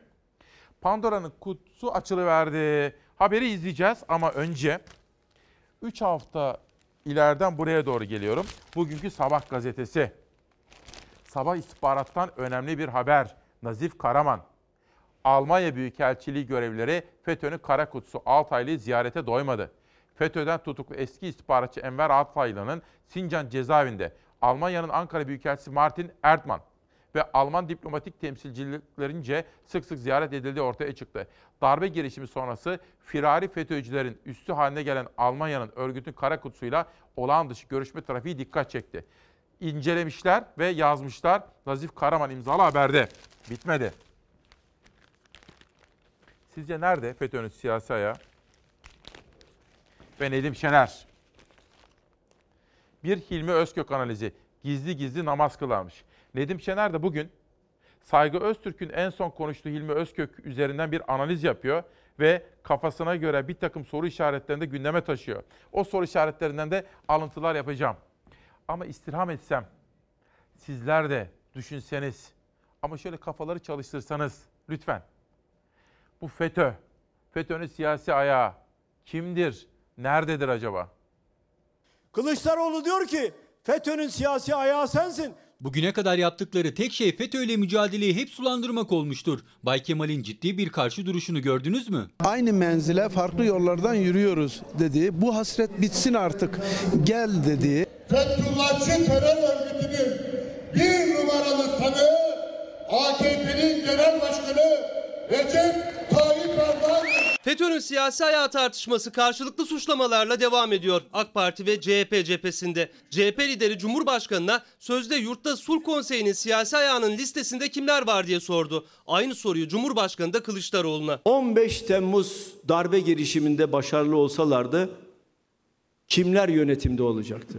Bunun listesi bizim bildiğimiz başta. Liderinde yani Erdoğan'da. O listenin kimde olduğu cevabını kendisi vermesi lazım. Niye? Zaten o listeyi beraber hareket ettikleri kişiler hazırladılar. Toplu halde Yargıtay'a, toplu halde Danıştay'a hakim tayin etmek için kanun te- teklifini, tasarısını sen gönderdin. MIT'i kime bağlı?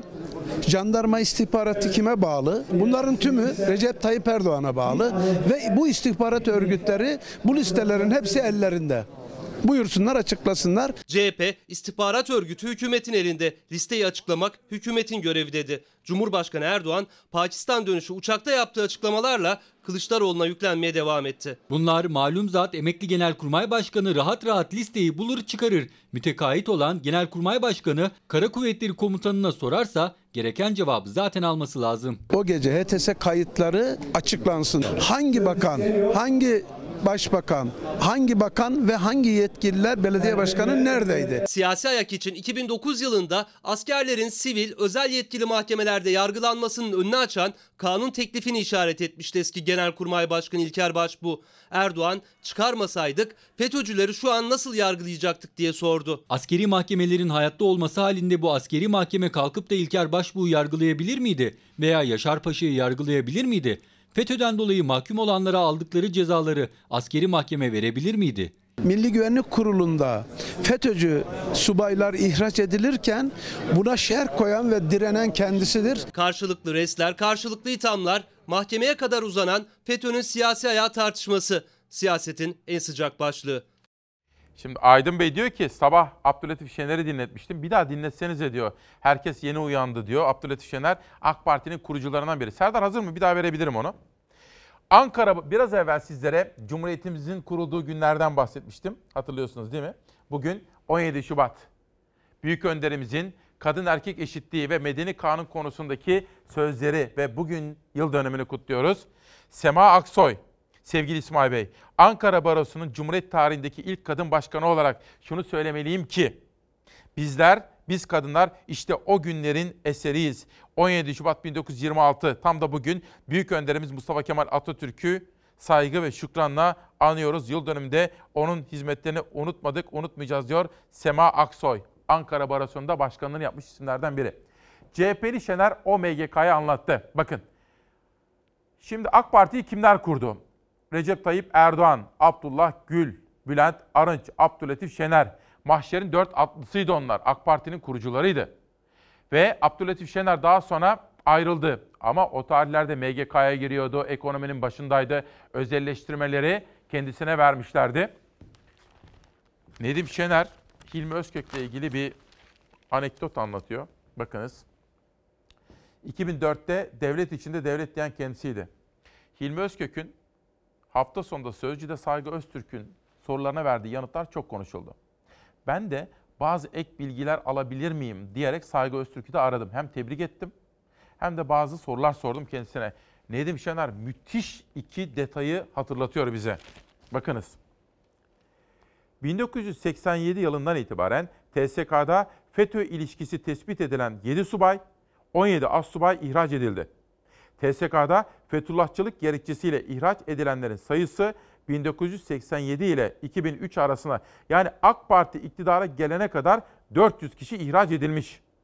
Bunun 139'u subay, 261'i astsubaymış. Nedim Şener bize buna, bunları hatırlatıyor. Ancak Orgeneral Hilmi Özkök'ün Genelkurmay Başkanı olduğu 2003 yılından itibaren Fethullahçılık gerekçesiyle TSK'dan ihraçlar tamamen son buldu. Ondan sonra Genelkurmay Başkanı olanların döneminde de TSK'da Fethullahçılık gerekçesiyle atılan olmadı. Bakın Hilmi Özkök döneminin çarpıcı bir detayı. Oysa FETÖ'nün or- orduya sızdığı anlaşılan 1987'den itibaren Fethullahçılık ihraç için yeterli gerekçelerden biriydi. Nitekim Hilmi Özkök'ten önceki 4 Genelkurmay Başkanı döneminde 400 FETÖ'cü ihraç edilmişti. Hilmi Özkök konuya hakim olmayanların bunlara inandırabilir. Nedim Şener diyor ki, Hilmi Özkök'ün söyledikleri bazılarını kandırabilir. Konuya hakim değilseniz. Ama biz konuya hakimiz diyor ve Hilmi Özkök dönemine ilişkin çok çarpıcı eleştiriler yöneltiyor Nedim Şener. Bence bugün herkesin bunları da irdelemesi, düşünmesi gerekir. Ha şunu da söyleyelim. O tarihlerde ülkeyi yönetenler Sayın Abdullah Gül, Sayın Recep Tayyip Erdoğan MGK'da ihraçlar konusunda şerh düşüyorlardı. Yani bunu uygun bulmadıklarını düşünün ülkenin başbakanı ve yöneticileri biz bunu uygun bulmuyoruz diyorlardı efendim. Onu da unutmadan altını çizelim. AK Parti'de mahşerin dört atlısından birisiydi. Nedim Şener'in yazısından sonra geçiyoruz Abdülhatif Şener'e.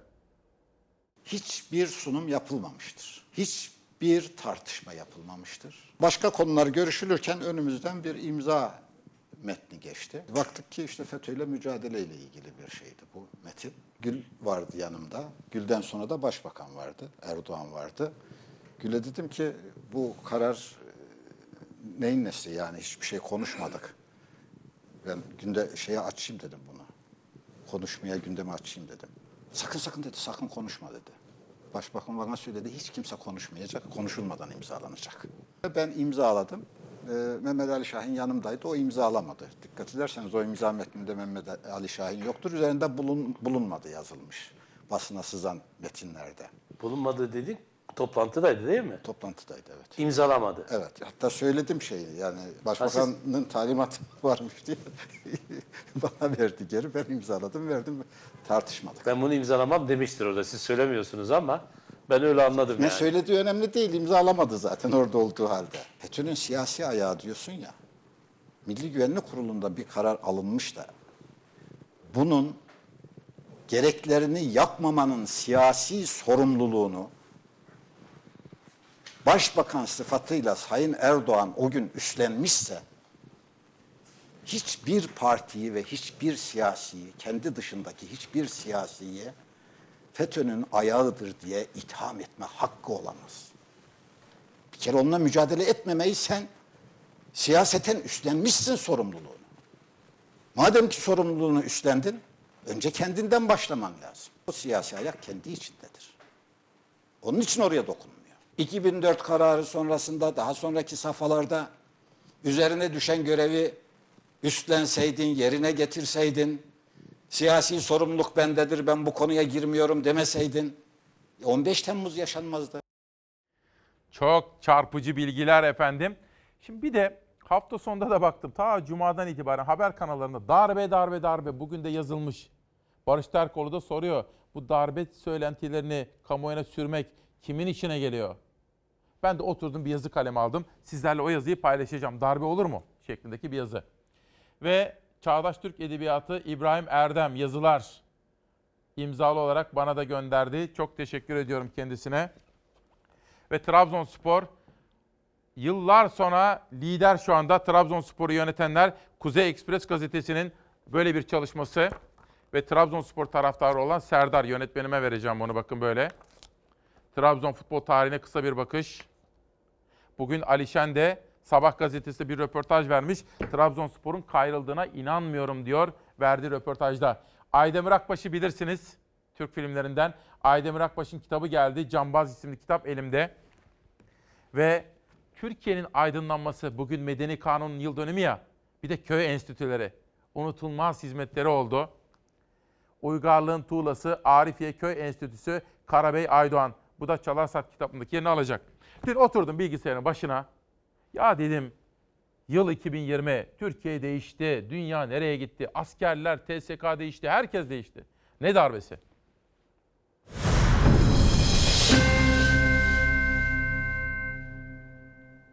Gerçekten hem enteresan hem de çok üzücü. Haber kanallarında ciddi ciddi bir süredir askeri darbeyi tartışıyorlar. Gazetelerde yazılar çıkıyor. Üstelik o kadar yoğun bir gündem oldu ki bu. Cumhurbaşkanı Erdoğan'a iki gün önce uçakta sordular. Yeni darbe olacak diyorlar. Hazin. Yıl gelmiş 2020'ye biz hala askeri darbeyi tartışıyoruz öyle mi? Darbe ne demek? İş başındaki yönetimin askeri darbeyle indirilmesi. Gündeme sundukları, dolaşıma sundukları konuya bakar mısınız? Efendiler hayır, hayır. Darbe dönemleri bitti, kapandı. Bir daha açılmayacak. Türkiye çok değişti, halkımız değişti. Türk Silahlı Kuvvetleri de değişti. Ha, iktidarı beğenmiyor muyuz? Olabilir. Sandıkta göndereceğiz. Tamamen demokratik usullerle ve mutlaka demokratik yöntemlerle iktidarlar değişecek. Kural bu. Bizim hepimizin hakları var. Yükümlülüklerimiz gibi haklarımız var. Sesimizi yükseltebiliriz. Örgütlü toplum istiyoruz. Demokrasi ittifakı kurmak zorundayız. Demokrasiyi savunanlar. Sandığa gideceğiz. Oy pusulalarına sahip çıkacağız. Ve seçimlerde başaracağız. Ne istiyorsak seçimlerde olacak. Antidemokratik uygulamalarla değil. Lütfen ülkemizi boş ve yapay gündemlerle oyalamayalım. Ekonomiyi konuşmayalım mı? Bugünkü manşet. Devletimizin köklü güzide kurumlarını daha fazla yıpratmayalım. Yeter. Vatandaşımızın, halkımızın dikkatini demokratik mücadeleden ve ekonomik sorunlardan kaçırmayalım. Yapay gündemlerle oyalamayalım onları. İş ve sorumluluk artık tamamıyla halkımızın üzerindedir. Lütfen demokrasiye inanalım ve güvenelim. Bundan böyle iktidarlar sandıkta gelecek, sandıkla gidecek. Beğenmediğimiz iktidarları seçimle göndereceğiz. Çünkü halkımız bedel ödedi. Ne tarikatlar, ne cemaatler, ne askeri cuntalar, ne sivil dikta, ne askeri dikta. Hayır. Demokrasiyi halkımız öğrendi, sevdi. Bundan böyle demokrasiyi halkımız savunacak ve halkımız koruyacak.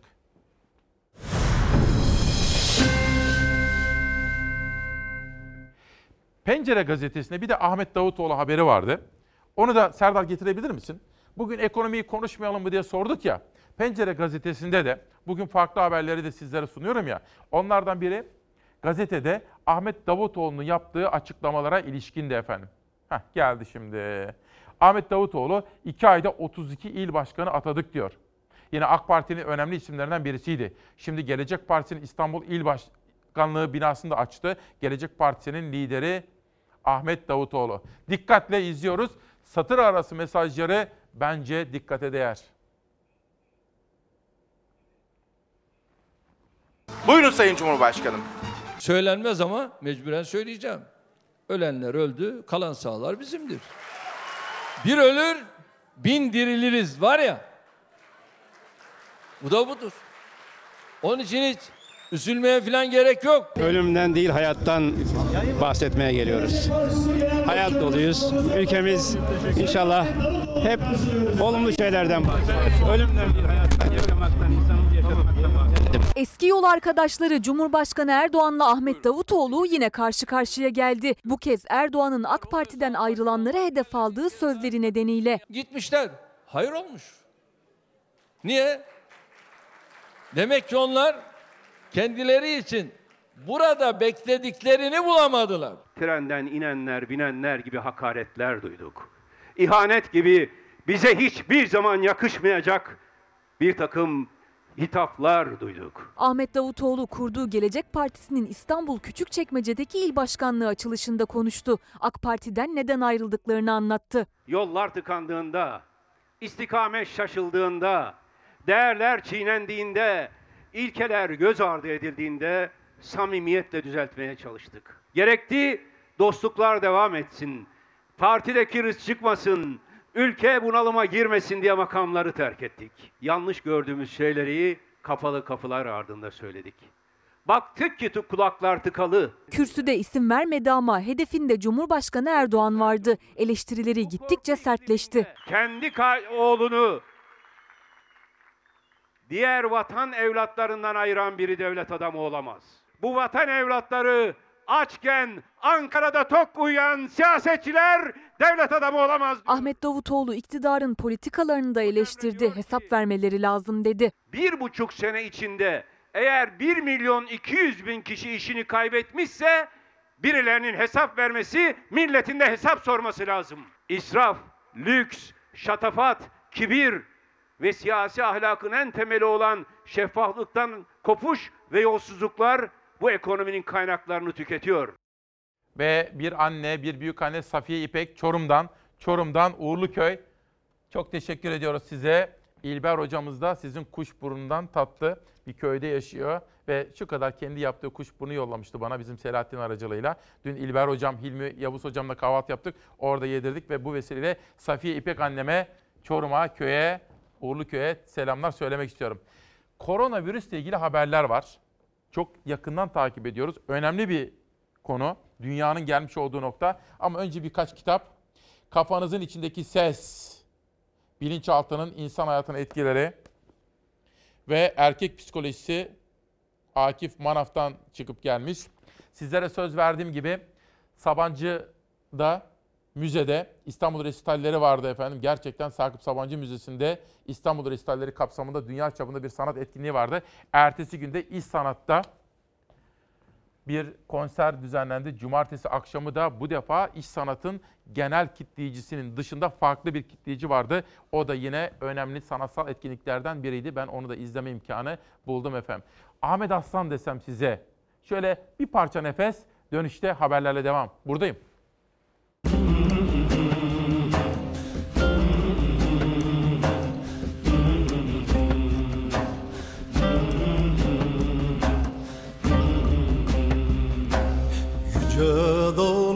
Başında mı?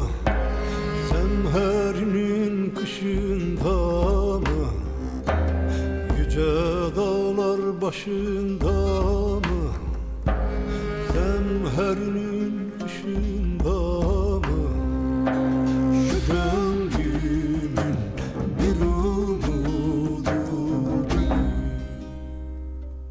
Gözlerimin yaşında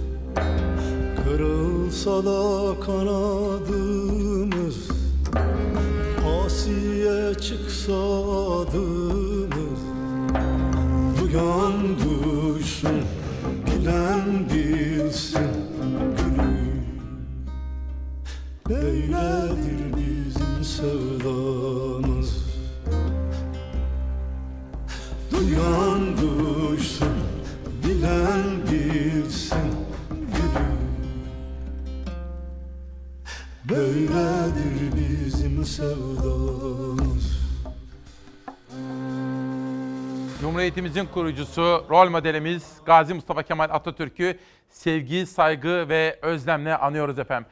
Uluslararası medyanın manşetinde koronavirüs var. Financial Times gazetesi koronavirüs teşhisiyle karantinaya al, alınan bir gemiden bahsediyor ve o gemideki yolcuların özellikle Amerikalıların alındığını dışı büyütseniz arkadaşlar büyütmüyor musunuz detayı? Büyümüyor mu? Şunu böyle büyütemiyor muyuz? Ben 9'dan büyümüyor mu? Peki. O zaman koronavirüs ve o gemideki Amerikalı yolcular tahliye edildi.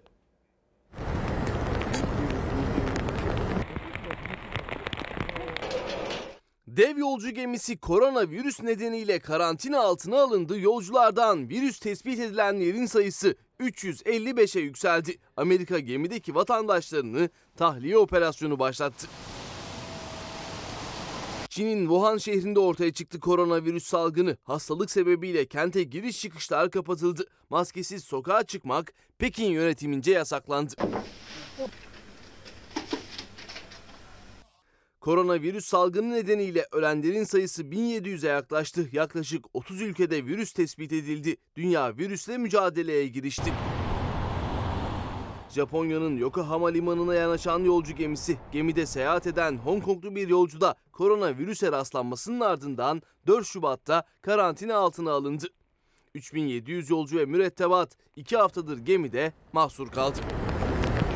Karantina altına alınan gemide dün 70 yolcuda daha koronavirüs tespit edildi. Yolculardan virüs tespit edilenlerin sayısı 355 oldu. Amerika Birleşik Devletleri dün gemide bulunan Amerikan vatandaşlarını tahliye operasyonuna başladı.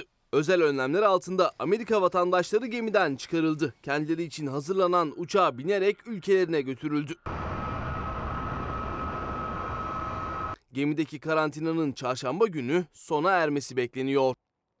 Bu arada Disk Başkanı Arzu Çerkezoğlu ve yeni yönetimi de belirlendi. Hafta sonunda genel kurullarını yaptılar efendim. Arzu Çerkezoğlu ve yeni yönetimini de kutluyoruz örgütlü toplum konusunda. Bir ayrı haber daha var. Hazal da bize bilgi veriyor. Evet Bahçeşehir Üniversitesi küresel çapta önemli bir iş yaptı dün. Ve İngiltere'nin bir basketbol takımını Plymouth'u satın aldı. Bu konuda hafta sonunda haberler çokça çıktı ama Hazal kardeşim de bana yazmış. Bahçeşehir Üniversitesi BAU gitti İngiltere'de İngiltere'nin en sevilen basketbol takımlarından birini satın aldı.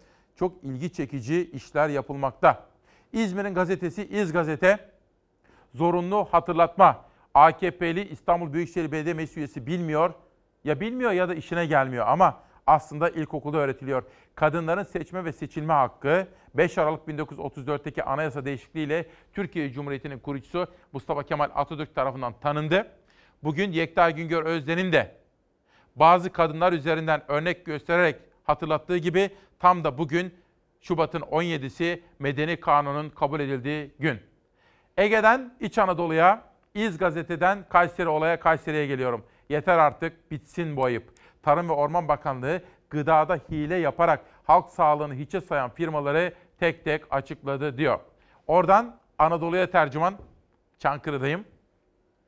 Emeklerin düşük promosyon çilesi emekler için ikinci promosyon dönemi başladı. Şubat 2017'de hayata geçen banka promosyonunda 3 yıllık taahhüt süresi bu aydan itibaren dolarken emeklileri yeni ödeme heyecanı sardı demekte efendim.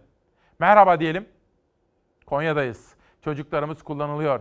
Kadınlarda ve kız çocuklarında sigara içme oranı hayli arttı diyor. Türkiye'de sigara içme yaşının 13'e kadar düştüğünü dile getiriyor uzmanlar.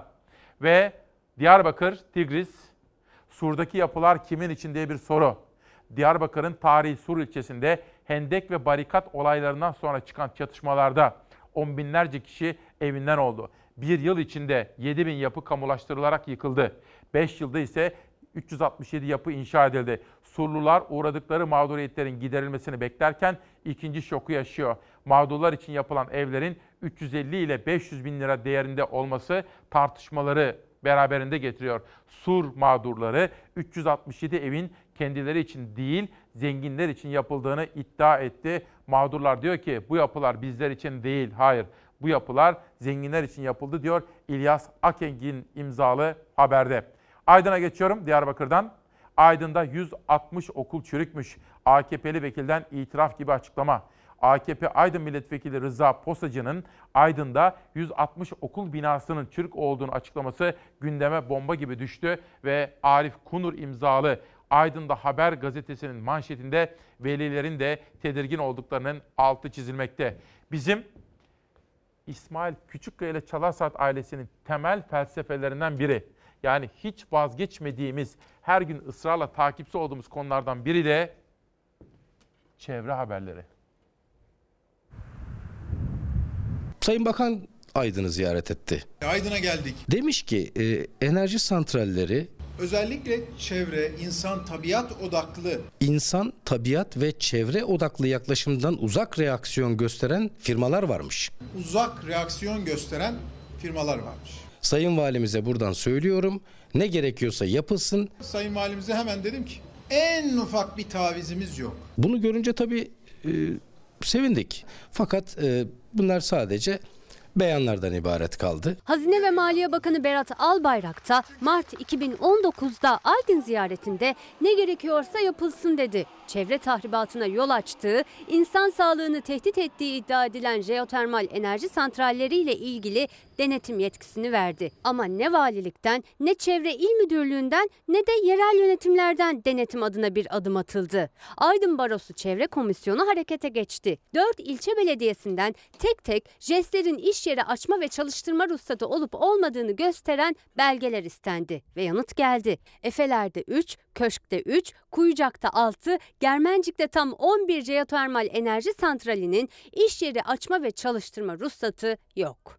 Şehir merkezindeyiz şu anda Ee, ve şehir merkezinin içindeki 3 tane santralinde iş yeri açma ve çalıştırma ruhsatı yok. Aydın'ın merkez ilçesi Efeler sınırları içinde yer alan 3 jeotermal enerji santralinden biri hemen arkamızda. Burası santralin onlarca dönümlük arazi üzerine kurulmuş elektrik üretim tesisi ve iddiaya göre buranın da iş yeri açma ve çalıştırma ruhsatı yok. Aydın Barosu da bu ve bunun gibi santraller için suç duyurusunda bulundu. Bunlar olacak ki onun e, çalışmasına izin verecek bakanlık.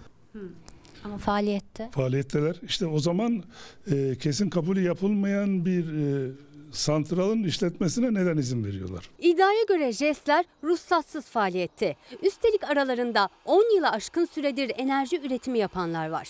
Jeotermal yatırımcıları JES'lerin ruhsattan muaf olduğunu söylüyor. Hukukçulara göre ise santrallerin faaliyete başlayabilmesi için kesin kabul başvuru evrakları arasında o ruhsatta var. Belirttikleri yasa hükmü sadece belli dolum tesisleri için geçerli olup jeotermal tesisleri kapsamıyor. İş yeri açma çalıştırma ruhsatı alma zorunluluğu yoksa bugüne kadar alan santraller neden aldı? Suç duyurusu üzerine Cumhuriyet Savcılığı soruşturma başlattı. Hem ruhsat hem de denetim aşamasında kanunsuzluğa yol açtığı iddia edilen sorumlular belirlenecek ve haklarında kamu davası açılacak. Baro şimdi o soruşturmanın tamamlanmasını bekliyor. Hiç kimse düşünmese de biz insanlarımızın canını düşünmek zorundayız. Biz bu hukuksuzluğu ortadan kaldırmak için Aydın Barosu olarak gerekeni yapıyoruz, yapmaya da devam edeceğiz. Çevre haberlerinden vazgeçmiyoruz. Bir başka temel felsefemiz çocuklarımızı okutmak. Benim Tunceli Batman'ı çok özel sevgiyle anmamın sebebi bu. Kız çocuklarını okutma konusunda. Çağdaş Yaşamı Destekleme Derneği için koşmuştuk İstanbul Maratonu'nda. Yakında Antalya var. Antalya içinde biz yeniden kız çocuklarımız için kolları sıvadık, koşmaya başladık. Dün ilk antrenmanı yaptık. Ve bakın önce 5 numara gelsin. Mustafa Koç, Burs Vakfı, Türk Eğitim Vakfı ile Koç grubunun spor kulübüyle işbirliği yaptık. Oya ünlü Kızıl da Caroline Koç da bizimle birlikte dün koştu. Ve Antalya Maratonu'nda kız çocuklarımızı okutmak için beraber koşacağız. Bugünden itibaren kampanyayı başlatıyorum. Sizlere ilerleyen dakikalarda daha farklı detayları da sunacağım. Koşacağız ve koşarken kızlarımıza gelecek hazırlayacağız. Bir de hafta sonunda aylık mutat olduğu üzere İlber Ortaylı, Hilmi Yavuz hocalarımla bir araya geldik. 3 numara gelsin. Bakın Ali Kemaloğlu, ben Deniz, İlber Hoca, Hilmi Yavuz Hoca sizlere çokça selamları var efendim. 3 saat, 4 saat öyle bir muhabbetti ki görmeli ve tanık olmalıydınız. Hocalarımın sizlere selamları var. Bir de bir numara gelsin. Ertuğrul Özkök dün yazdı Hürriyet'te, Fatih Altaylı dün yazdı Habertürk'te ve Kültür ve Turizm Bakanı dedi ki sen de çok eleştirdin, çok sorular sordun. Fatih Bey de Ertuğrul Özkök de bize Çeşme projesine ilişkin bilgiler verdi. Çeşme'de kanal yok, onu baştan söyleyeyim. Kanal olma, olmayacak. Suudlar geldiler, arazileri top... Bu da doğru değil dedi. Bilgileri verdi. Bakın şurada. Hem notlar aldım hem de resmi bilgiler, haritalar Kültür ve Turizm Bakanlığı.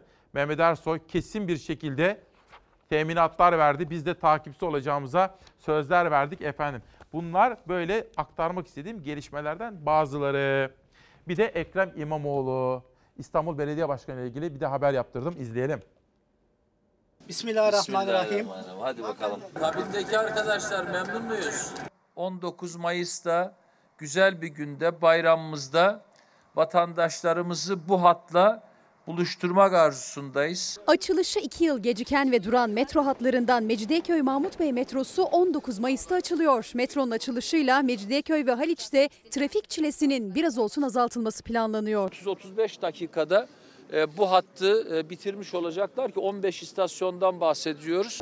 31 Aralık 2018 bu hattın inşaatı tamamlanmış olacak. Eski belediye başkanı Mevlüt Uysal'ın verdiği tarihte açılamadı Mecidiyeköy Mahmut Bey hattı. Maddi sorunlar nedeniyle 19 Mart 2019'da yani yerel seçim öncesi yapıldı aslında ilk test sürüşü AK Partili yöneticiler tarafından. Geçici elektrik verilerek, manuel elektrik verilerek bir deneme yapılmış. O zaman yapılan herhalde seçimden önce bir gösterelim demiş olabilir arkadaşlar. Kumanda merkezinden sürücüsüz olarak hareket edecek bu metro için Fransız Kalkınma Ajansı 100 milyon euroluk bir kredi vermişti. Fransa'nın İstanbul Başkonsolosu da test sürüşünde yer aldı. Ekrem İmamoğlu Ankara'nın yatırım planını almadığı için başlatamadığı diğer metro hatlarını işaret etti. Kanal İstanbul üzerinden maliyete dikkat çekti. Keşke Sarıgazi Taşdelen Yeni Doğan e, metro hattı ile ilgili yapılan talebimizde 2020 kamu yatırım planına alınsaydı. Çünkü orada da hizmet sunmak istediğimiz bir e, şehir hastanemiz söz konusu. Kanal İstanbul sadece İSKİ'nin var olan işlerinin değişimi bile yaklaşık 20 milyar liralık bir maliyete sahip. Yani 20 milyar lira ne demek biliyor musunuz? Şu anda duran bütün metro hatlarımızın hepsini yapmak demek. Sadece İSKİ'ye külfeti. Bir de dün aradı beni Erol Köse, efsane belediye başkanlarından biridir. Eleştirmiştim. Saygı duyarım dedi. Her sabah sizi izliyoruz. Eleştirilerinizi de saygıyla karşılıyorum dedi. Olayı anlattı bana. Erol Köse haklı. AK Partili belediye bizi dedi oyuna getirmek istedi dedi. Ben hastaydım dedi. Ablamı kaybettim. Böyle bir döneme denk geldi dedi Erol Köse. Çetin Emek isminin kaldırılarak benim adımın verilmesini hiçbir şekilde kabul etmiyorum. Reddediyorum. Bana yeni bir üst geçide sizin adınız verilecek dediler. Ama ablamı kaybettim, hastaydım dedi ve kendisinin bir ketenpeleye getirmek istendiğini söyledi. Dolayısıyla basın kahramanımız Çetin Emeç'in isminin orada üst geçitte kalması gerekiyor. Yerel gazeteler başta Kocaeli olmak üzere Erol Köse ile ilgili yaptığı o röportajlara devam ediyorlar. İsmimin üst geçide verilmesini kabul etmiyorum diyor. Aynı şekilde gazete 262 Yine efsane başkanla konuşmuşlar. İsmimi o köprüde istemiyorum. Oranın adı Çetin Emet Köprüsü'dür. Bizi oyuna getirmesinler diyor. Aynı şekilde bizim yaka Kocaeli. Adımı puntolarla da yazsalar kabul etmiyorum dedi Erol Köse. Böyle uyanıklıklara gerek yok dedi. Çağdaş Gazetesi. Geçelim. Erol Köse üst geçidin ismini kabul etmiyorum. Bu durumda herkes konuştuğuna göre AK Partili belediye başkanı da çıksın desin ki tamam o bir basın kahramanıdır, basın şehididir ve onun adını üst geçitten çıkartmıyorum desin efendim. Onu da seve seve buradan haber olarak verelim. Ezgi Durmuş yeni çıkan kitabıyla Çalar Saat'te bu sabah saatlerde 7.43'e doğru geldi. Kaan Murat Yanık, Dünyasızlar. Bu hafta okuduğum Nietzsche kitabı var. Taner Şanlıoğlu. Çok etkilendiğim zaman sizlere de birer küçük paragraf okumak hoşuma gidiyor. Yalnız başımıza kaldığımızda, içimize kapanıp sorular sorduğumuzda, işte öyle zamanlarda aslında mana ararız, anlam üretiriz. Mesela ben bu acıyı niye yaşıyorum? Mesela ben bu aşk acısını neden yaşıyorum? O kadar insan varken bütün bunlar neden benim başıma geliyor? Ben neden seviyorum? Ben neden onu seviyorum? şeklindeki sorular. Sonra yaşadığımız acılar, sıkıntılar, kederler. Nietzsche diyor ki, hayatın içinde hepsi var. Ama öldürmeyen bela, yani başımıza bir bela geldi ama o bela beni öldürmüyorsa beni öldürür. Yani öldürmeyen bela güçlendirir. Bir kez daha günaydın. Yeni güne beraber başladık. Daha da anlatacak pek çok haberin manşetim var. Günaydın efendim. 17 Şubat 2020 günlerden pazartesi İsmail Küçükkaya ile Demokrasi Meydanı'na yani Hakikat Yolculuğuna hoş geldiniz. Şu andan itibaren Savaş Yıldız yönetmen koltuğuna geçti. Hemen gazete manşetleriyle haber yolculuğumuza başlamak istiyorum. Gazeteleri değiştirdim. Bugün ekonomiyi konuşmayalım mı? Dün sosyal medyaya sordum sizlere. Yeni günün, yeni haftanın bu ilk manşetini ne yapalım? Bir büyüğün mesaj attı. Dedi ki İsmail Bey ekonomi, esnaf, üretici, köylü, besici, küçük ve orta boy işletmeler, iş adamları, ekonomi yani piyasada çarklar. Manşeti oradan yaptık. Ekonomiyi konuşmayalım mı? Posta gazetesiyle başlıyorum. Tertemiz bir insan haberi. Bunu ajanslarda gördüm, arkadaşlarımdan istedim. Belediyede çalışan bir arkadaşımız hani derler ya dünya iyi insanların yüzü suyu hürmetine dönüyor diye. İşte dün bu güzel insanlardan biriyle daha tanıştık. Bursa'da temizlik işçisi Ahmet Gökçe sokakta içinde 125 bin lira olan poşet buldu. Bakın sokakta bir poşet buldu. Poşetin içinde de 125 bin lira var. Peki dünya işte bu güzel insanların, bu iyi yürekli insanların yüzü suyu hürmetine dönüyor. Öyle değil mi? Bir anlık dalgınlıktan faydalanılacak öyle bir şey yok abi. Kendilerine teşekkür ederim. Allah razı olsun. 25 yıl boyunca çalıştı, çabaladı, dişinden tırnağından artırdı. 125 bin lira biriktirdi. Emekli işçi Nurettin Kılıççı tüm parasını kaybettiğini fark ettiğinde dünyası başına yıkıldı. O parayı temizlik işçisi Ahmet Gökçe buldu. Dile kolay tam 25 yıl boyunca birikim yaptı Nurettin Kılıççı. 125 bin lira birikimini yanına alarak küçük baş hayvan almak üzere evden çıktı. Bir anlık dalgınlık, insanlık hali. Kılıççı paranın yanında olmadığını fark etti. O anları parayı unuttuğu apartmanın önünde anlattı emekli işçi. Sabahleyin çıktık arabayı beklerken çocuğun elbisesi buradaydı. Ben de parayı tuttum çocuk elbisesinin yanına koydum. Diğer çantanın yanına. Ben zannettim çocuk arabaya atmıştır. Hay e, yeni şehire giderken para verirken vermeye çalışırken çocuğa sordum çanta nerede? Dedi almamış.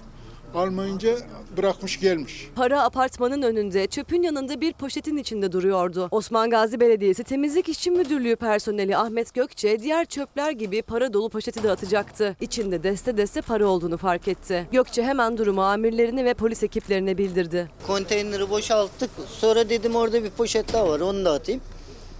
Elime aldığımda e, paranın rakamlarını gördüm. Ondan dolayı bu para mı diye.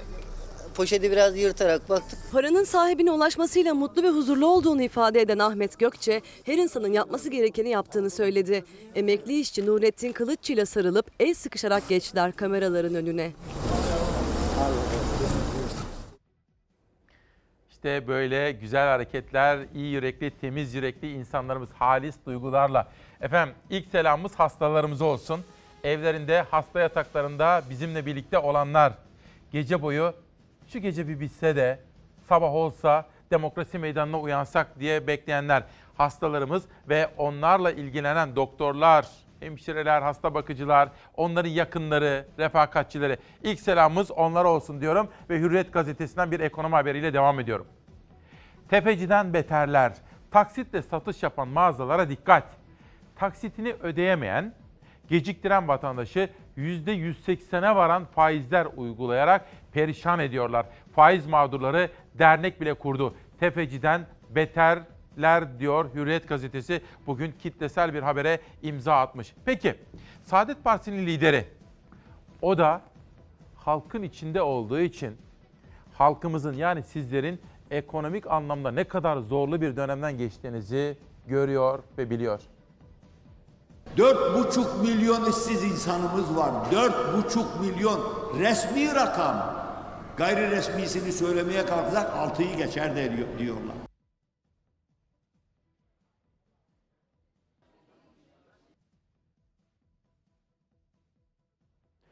Teknik bir sorun olabilir bilmiyorum. Ben onu ajanslarda gördüm. Biraz sonra yakalarız ve kaldığımız yerden devam ederiz. Ekonomiye ilişkin manşetleri vardı efendim. Milliyet gazetesi. Yani teknik sorun giderildiği zaman ben sizlere aktaracağım. Olabilir. Olabilir böyle şeyler. Milliyet gazetesinin manşeti riskli binada oturtmayız diyor. Çevre ve Şehircilik Bakanı Murat Kurum açıkladı. Çevre ve Şehircilik Bakanı Kurum ile Elazığ ve Malatya'da dolaştık diyor. Bakan Kurum özellikle İstanbul'da riskli binalarda vatandaşların oturmasını engelleyeceklerini dile getirdi. Şimdi ben Sayın Bakan'a şunu seslenmek istiyorum. Sayın Bakan eğer samimi iseniz ki sizi tanırım. Eğer ciddi iseniz sizi bilirim. Avcılar Belediye Başkanı konuşuyor Sayın Bakanım. Günlerden beri sesini duyurmaya çalışıyor. Diyor ki 10 bin çürük bina var burada. Bunun kentsel dönüşüm kapsamına alınması ve devletin bir an evvel bu sorunu çözmesi gerekiyor. Bir deprem geldiği zaman ne yapacağız? Hani gazetelere konuşmak, demeç vermek kolay. ama istirham edeceğim. Mesela arasa, alo ben Bakan Kurum, Avcılar Belediye Başkanı, Sayın Başkan buyurun görüşelim. Böyle. Yani gazetelere demeç vermek işin en kolayı. Ama çözüm yaparlarsa bizi de çok memnun ederler ve biz de ayrıca onlarla birlikte gideriz. Bir İdlib manşeti yapacağım sizlere. İlk defa izleyeceğiniz. Efendim Suriye, İdlib. Amerika ile Rusya iki emperyal gücün Orta Doğu'daki güç ve paylaşım savaşları ve Türkiye'nin buradaki rolü.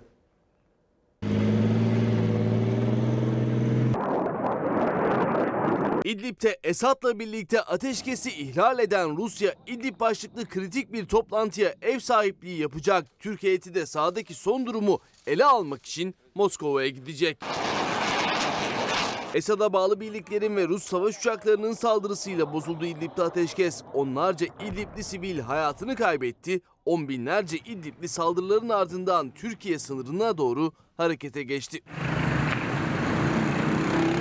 Türkiye İdlib'de ateşkesi korumak için Soçi mutabakatına dayanarak gözlem noktaları kurdu. Esad rejimi ise geçtiğimiz hafta ikinci kez Türk askerlerine saldırdı.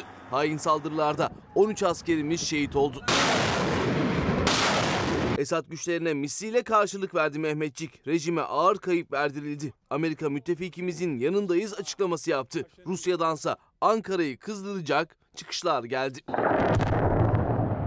Esad rejiminin saldırıları sonrası geçtiğimiz hafta Türk ve Rus heyetler Ankara'da iki kez bir araya geldi. Görüşmelerden şu ana dek somut bir sonuç çıkmadı. Bugünse Rusya'nın başkenti Moskova'da İdlib başlıklı kritik bir toplantı var. Türk heyeti Rus heyetiyle bir araya gelmek için Moskova'ya gidecek.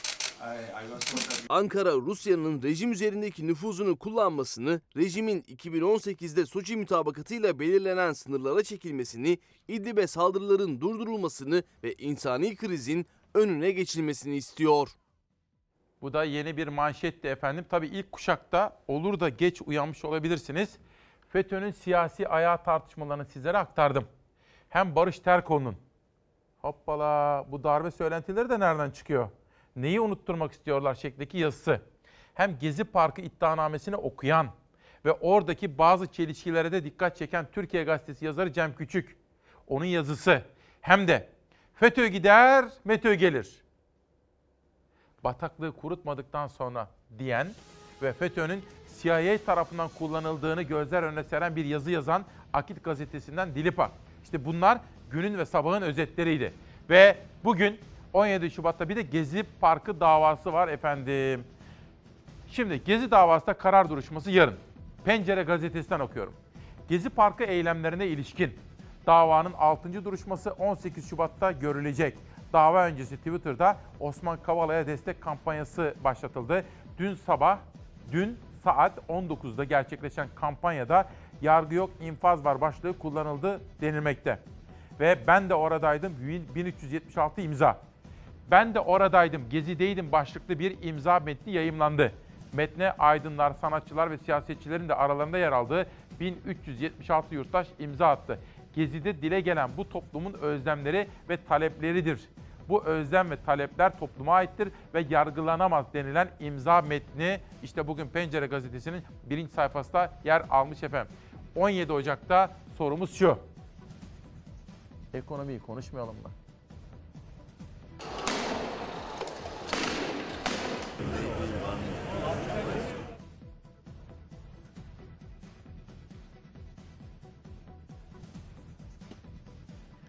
Şimdi hayırdır inşallah. Bir nazar mı değdi arkadaşlar? Ne oluyor? Haberlerin sesi yok.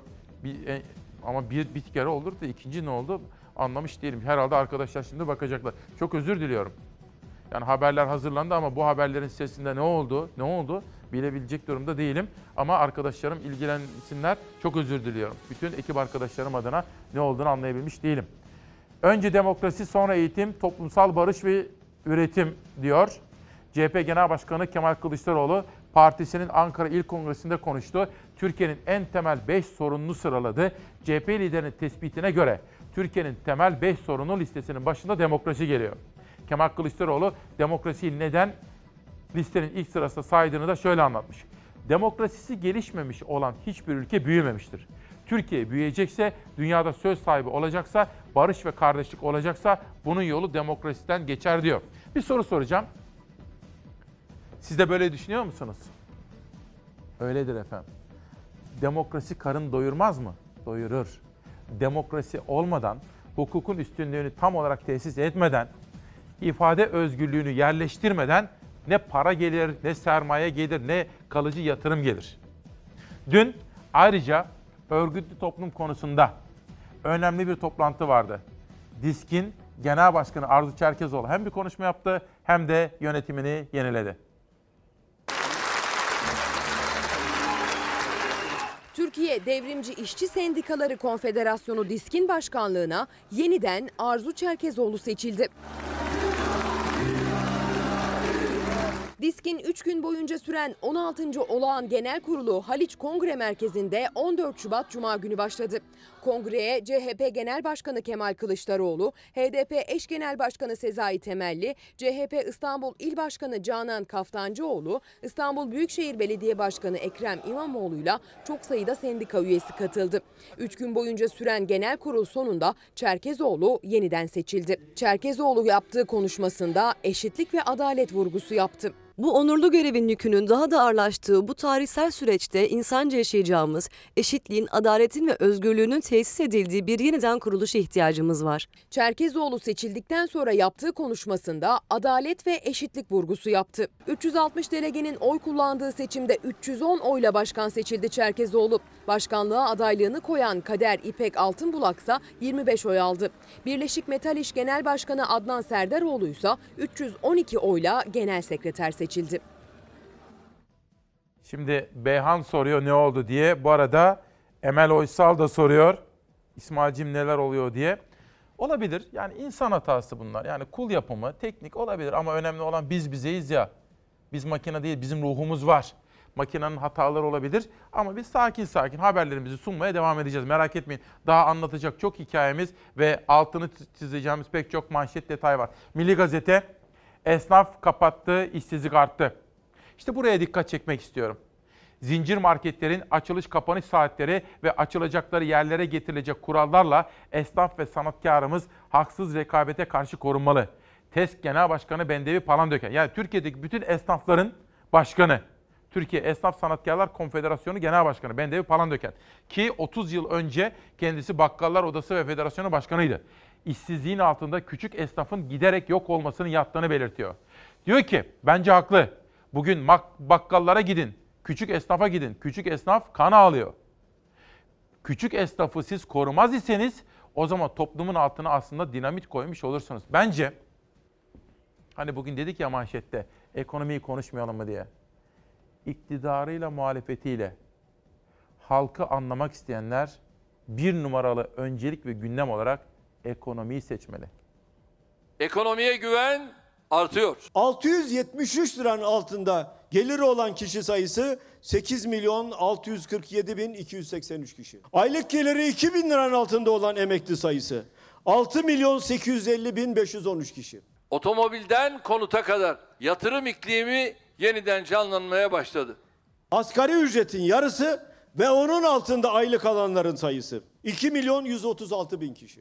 Rakamları Türkiye'nin gerçekleri tablosu diye paylaştı Kılıçdaroğlu. Geliri 700 liranın altında olan 8,5 milyon kişi var dedi. Cumhurbaşkanı yatırımlardan söz etti. Kılıçdaroğlu giderek tırmanan işsizlik rakamlarından. Cumhuriyet tarihinin en derin krizlerinden birisini yaşıyoruz. 7 milyonu aşkın işsizimiz var. Her işveren bir işçi istihdam ederse efendim biz işsizlik sorununu çözermişiz. Bir akıl tutulması yaşıyoruz. Yok böyle bir şey. Şimdi girişimcinin artık yatırım zamanıdır. Yatırım istihdamı getirecektir. İstihdam üretimi ve ardından da rekabeti getirecektir. Cumhurbaşkanı İstanbul'da Teknopark ikinci etap açılış töreninde CHP lideri Ankara İl Kongresi'nde konuştu. Kılıçdaroğlu iktidarı ekonomi üzerinden topa tuttu. Rakamlar vermeye devam etti. Elektrik faturasını ödeyemediği için elektriği kesilen hane sayısı 3 milyon 365 bin 784 kişi. Doğalgazı kesilen 710 bin 364 hane var. Cumhurbaşkanı Erdoğan'ın faize karşıyız sözlerine ayrı bir parantez açtı CHP lideri. Türkiye'nin ödediği faize dikkat çekti. Faizler tek haneli rakama doğru düşmüş vaziyette. Faize karşıyız diyorlar. Tefecilere en büyük hizmeti yapanlar bunlardır. Mahkemeye verecekler belki. Vermezseniz namersiniz. Bir günde ödediği faiz 48 milyon 703 bin dolar faiz ödüyor. AK Parti iktidarları döneminde ödenen, yabancılara ödenen toplam faiz 175 milyar 609 milyon dolar. Ekonomimiz yeniden yükselişe geçti. 2019'u pozitif büyüme ile kapatacağımız anlaşılıyor. Cumhurbaşkanı büyümeden, ekonomide dengelenmeden söz etti. Kılıçdaroğlu krizden. CHP lideri ne rakam verse, ekonomiden söz etse tank palet fabrikasının devrini de gündeme getiriyor. Bir ayda 1 milyar 461 bin dolar faiz ödüyorsunuz. Tank palet fabrikasını Katar ordusuna peşkeş çekerken milletin önüne çıkıp 50 milyon dolar bulamadık. O nedenle biz peşkeş çektik diye. Bunu söyleyenler vatansever değildir. Topyekün bir üretim seferberliğiyle Türkiye'yi küresel bir yatırım merkezi yapacağız. Ekonomiyi herkes kendi cephesinden anlattı ama iktidarla muhalefetin ortaya koyduğu tablo birbirinden çok farklıydı. Sizlerin yorumları da son derece önemli. İsmail abi, şu ayıp kılıç Twitter'da. Ekonomi berbat bir durumda İsmail abi. Devlet nereden para keseceğini kara kara düşünüyor. Sürekli zam üstüne zam yapıyorlar. Hatta faizi bile helal hale getirmediler mi diye soruyor. Dün dedim ya İlber Ortaylı Hilmi Yavuz hocalarımla buluştum. Önce Karolin Koç'la koştuk. Sonra İlber hocalarımla buluştum. Sonra da Adana'dan misafirlerim vardı. Gidiyordum. Yürüyordum. Dört kişi, dört genç. Birisi Soner Bey. İsmail Bey dedi ben AK Partiliyim. Buyurun nasılsınız dedim. Sizi seviyoruz, size güveniyoruz. Ama dedi her şey bu kadar mı kötü dedi. Hayır dedim. Biraz konuştuk. Baktım konuşmaya niyetli. Çıkarttım şöyle yaptım cep telefonunu. Hadi yarın yayınlayacağım dedim. Konuştu. İyi misin dedim. Halin nicedir. Yanında karısı da vardı. Karımın cebinde dedi 12 bin liralık telefon var dedi. Biz biraz dedi tüketim anlattı. İki dakikalık video ama bugün yerim kalmadı yarına vereceğim. Yarın tartışmaya açacağım o tart- konuyu. Dünya Gazetesi gıda enflasyonu giyime fark attı. Talip Aktaş'ın haberi. Enflasyon son 5 yılda gıdadan beslendi. Artış gıdada %85, giyimde %62 oldu. O arkadaşıma bunu sordum. İyi şeyler de var, kötü şeyler de var. Ama dedim bak hayat pahalı. İşsizlik var Soner kardeş dedim. AK Partili olabilirsin. Partiler önemli değil. Her parti bizim. Ama dedim bak enflasyon almış başını gidiyor. Genç işsizlik rakamları almış başını gidiyor. Böyle böyle düşündü kardeşim. Sohbet ettik. Yarına size onu izleteceğim. Az evvel teknik bir sorun olmuştu. Saadet liderinin sesi biraz kısılmıştı. Saadet liderinin sesini yeniden yükseltelim. Dört buçuk milyon işsiz insanımız var. Dört buçuk milyon resmi rakam.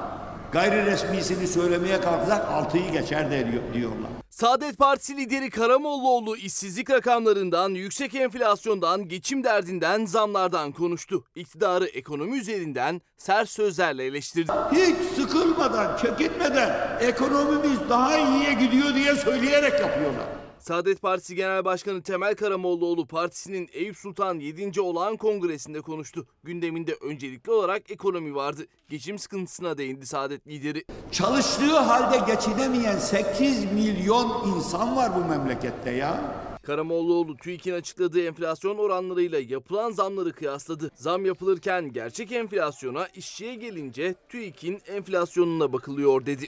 Zam yapacakları zaman bir ürüne hakiki enflasyonu dikkate alıyor. Diyor ki ya mazot pahalandı. Yüzde elli zam yap. Elektrik yüzde yetmiş zam yap. Garibanın ücreti konuşuyorsun. Ya öyle olmuyor ki bak bizim hesaplar gösterdi işte yüzde on iki enflasyon gelecek sene. Hatta dokuza inecek. Nasıl yaparız onu? Ver yüzde dokuzu. Ya be mübarek adama sen yüzde dokuz zam yapıyorsun. Bütün giderlerine yüzde elli zam yapıyorsun. Nasıl işinden çıkacak o adam bu arkadaş? Efendim bir son dakika gelişmesi vereyim. Yönetmenim Savaş'a da rica edeceğim. Son dakika diye verelim. İlker Başbuğ'un avukatı İlkay Sezer bana şimdi mesaj attı. Seninle aynı zamanda Twitter'da da duyurduk dedi. İlker Başbuğ'un ismi çok konuşuluyor ya bakın. Bir son dakika gelişmesi verelim arkadaşlar. İlker Başbuğ'dan açıklama var diye yazalım. Son dakika. Son günlerde İlkay Sezer yazıyor. İlker Başbuğ'dan açıklama var. Son günlerde müvekkilimiz Sayın İlker Başbuğ'un adının hayali bazı senaryolarla gündeme getirildiğini görmekteyiz.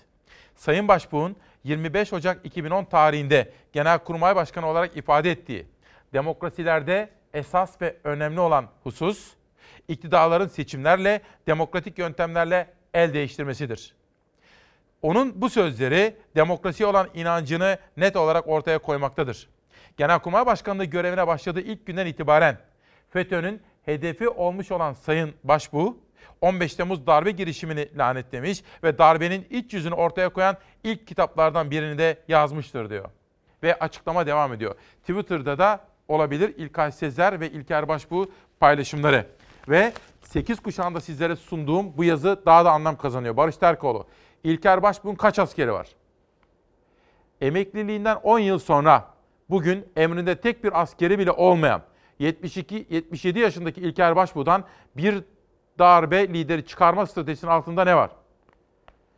Bakın yazı uzun bir yazı. Darbe korkusu üretme projesi. Yani yazının özeti şu. Yıl 2020. Türkiye eski Türkiye değil. Halk eski halk değil. TSK eski TSK değil. Türkiye çok bedeller ödedi ve demokrasiyi öğrendi. Darbe olacak yalanını kim ortaya atıyor? Bunun amacı nedir? 77 yaşındaki İlker Başbuğ yeniden darbe yapacak gibi söylentiler. Başbuğ da Twitter'dan yaptığı açıklamayla kamuoyunu burada bilgilendiriyor. Ben de böyle düşünüyorum. Ne darbesi? İktidarları beğenmiyor isek demokrasiyle göndermesini biliyoruz, bileceğiz. Demokrasiye mutlaka bağlı kaldık ve kalacağız efendim. Bir günden bir haber daha gelsin. Sonra Milli Gazete. Gezici olmaya devam edeceğiz. Dilan Esen. Bakalım neymiş. Yarın görülecek Gezi davası öncesinde bir güne konuşan sanıklar direnişi savunmaya devam edeceklerini vurguladı. Gezi davasının 6. duruşması yarın Silivri cezaevindeki salonda görülecek. Davada Osman Kavala, Mücella Yapıcı ve Yiğit Aksakoğlu'nun ağırlaştırılmış müebbet hapsi isteniyor. Gezi'nin bu halkın yüz akı ve itiraz sesi olduğunu dile getiren Mücella Yapıcı, yargı sürecinin deli saçması bir senaryo üzerinden inşa edildiğini belirtti. Ve böylece akıp gidiyor haber efendim. Geçelim Milli Gazete'ye. Aslında Milli Gazete'nin esnaf manşetini sunmuştum. Oradan Orta Doğu. Bugün 17 Şubat 2020. Orta Doğu Gazetesi tarihi oldu efendim. Bakın. Orta Doğu Gazetesi bugün itibariyle yayın hayatına son verdi. Her kuruluş tıpkı insan gibi yaşar ve hayatı sona erer. Gazeteniz Orta Doğu'da 48 yıllık hayatına bugün son veriyor.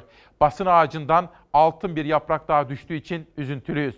Üzüntülüyüz. Ancak bize ihanet edenlerin sonunun da çok uzun olmayacağını görüyor ve biliyoruz. 48 yıldır bize destek veren tüm okullarımızı şükranlarımızı sunuyoruz. Yarım asra yakındır yolu bu gazeteden geçenlere de teşekkür ediyoruz dedi ve son sayfasıyla tarihe bir not düştü Orta Doğu Gazetesi'nin editörleri son baskı isimli haberiyle.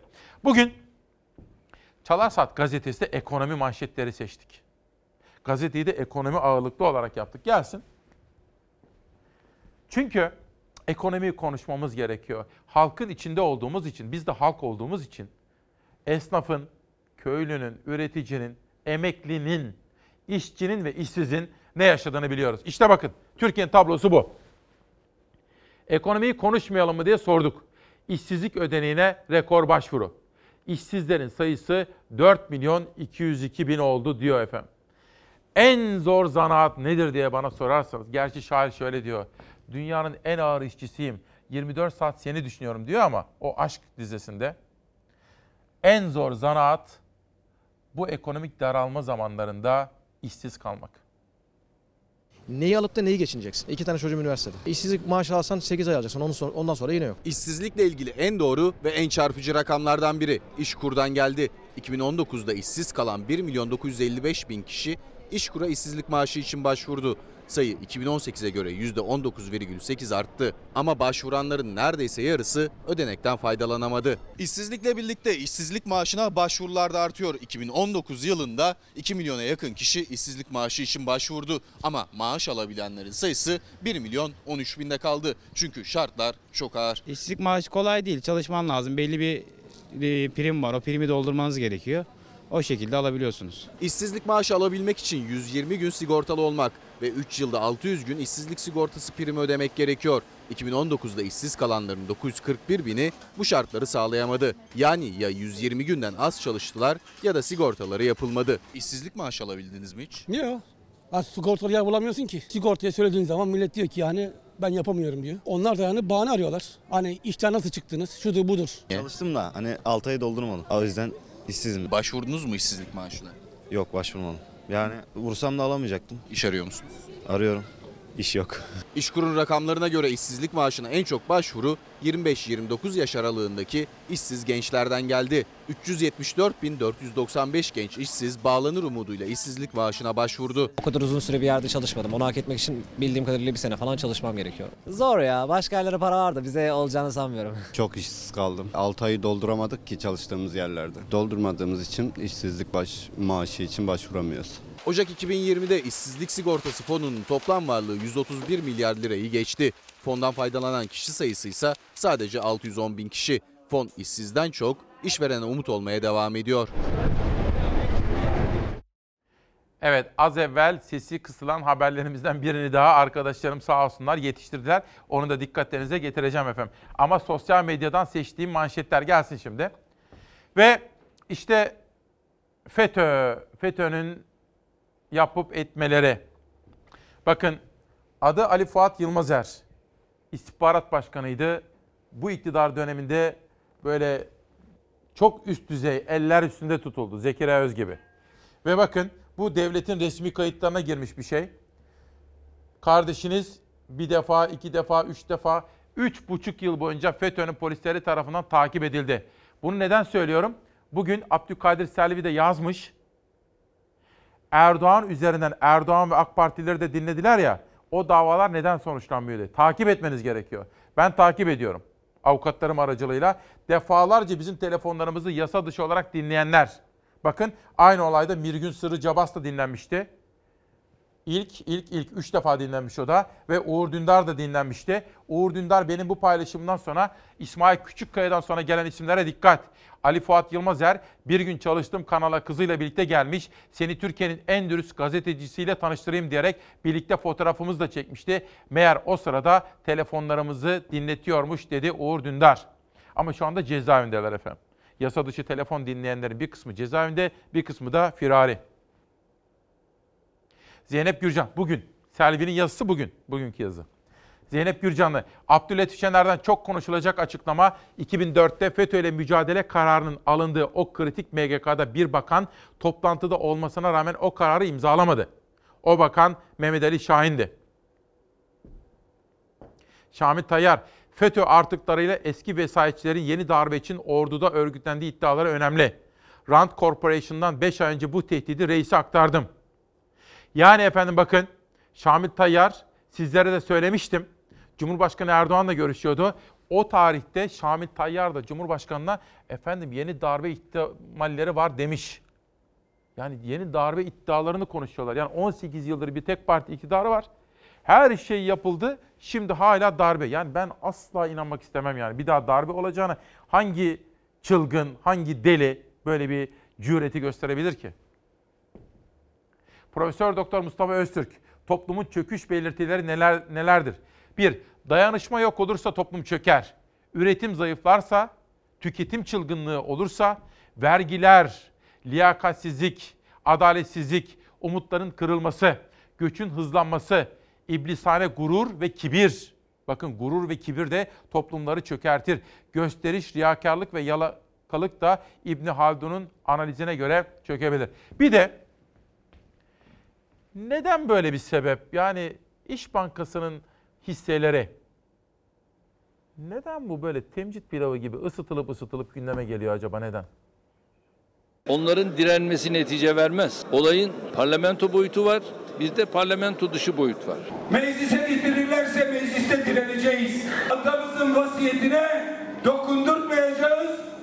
Dokunanları da pişman edeceğiz. Zannediyorum birkaç hafta içinde neticesini alacağız. Fazla geciktirmeye niyetimiz yok. İş Bankası hisseler üzerinden bir kez daha kılıçlar çekildi. CHP Atatürk'ten miras hisselerini devretmemek için direneceğiz diyor. AK Parti cephesinde ise Erdoğan'ın talimatıyla hisselerin hazineye devri için yol haritası hazırlanıyor. Dedik ki bu işi biraz daha olgunlaştıralım ve olgunlaştırmanın ötesinde bir de hukuki işlerle ilgili bir kurul kuralım. Mustafa Kemal Atatürk'ün kurduğu ve emanet ettiği vasiyetine ihanetten başka bir şey değildir. Hukukçu arkadaşlarımızla beraber de bu çalışmayı tam manasıyla hukuki bir zemine oturtalım dedik. CHP'nin bugün İş Bankası'ndan aldığı bir tek kör kuruş yoktur. Bundan önce de almamıştır. Vasiyete göre bundan sonra da alması mümkün değildir.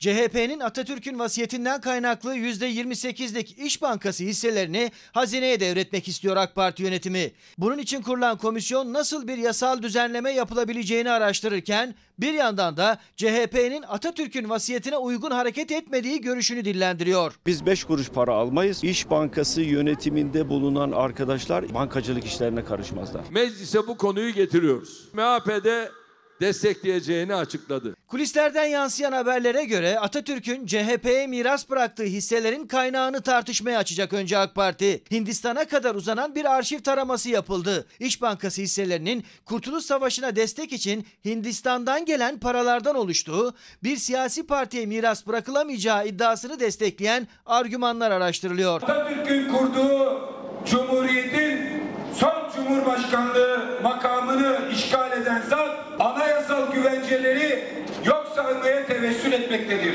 Zannediyorum birkaç hafta içerisinde neticesini de alacağız. Fazla geciktirmeye niyetimiz yok. Vakit kaybına tahammülümüz yok. En son Kenan Evren tevessül etmişti. Daha önceki saldırılarda olduğu gibi Atatürk'ün vasiyeti şekilde uygulandı. İş Bankası düellosunda AK Parti CHP hattı hiç olmadığı kadar gergin. Sözün bittiği yerde gözler iktidarın ilk hamlesine çevrildi. Yani hiç gerek yok böyle tartışmalara. Zaten piyasalar sıkıntılı. Ekonomide güven unsurunu artırmamız gerekiyor. Yabancı yatırım çekmemiz gerekiyor. İş Bankası hisseleriyle ilgili neden böyle bir tartışmaya gerek var ki? Güven Bey, İsmail abi ben Karaman ilinden yazıyorum. Karaman eskiden çok sessiz ve sakin güvenli bir yerde her gün bir olay olmakta. Emin Şahin Sayın İsmail Bey EYT ne olacak? Bizim hak mağduriyetimiz ne zaman giderilecek diye soruyor Emin Şahin emeklilikte yaşa takılanlar adına. Sosyal medya bakın bunu takip etmemiz gerekiyor. Avcılar için mücadelem devam ediyor. Partiler üstü tamamen insani olan, olan talebimiz için yılmadan, bıkmadan var gücümle haykırmaya devam edeceğim. Vicdanımız enkaz altta kalmayacak. 10 binden fazla binanın yıkılıp kentsel dönüşüm kapsamına alınması gerektiğini söylüyor Turan Hançerli Avcılar Belediye Başkanı.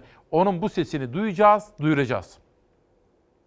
Nazan Moral Hocam 17 Şubat 2020 yani tam da bugün Medeni Kanun'un 94. yıl dönümü.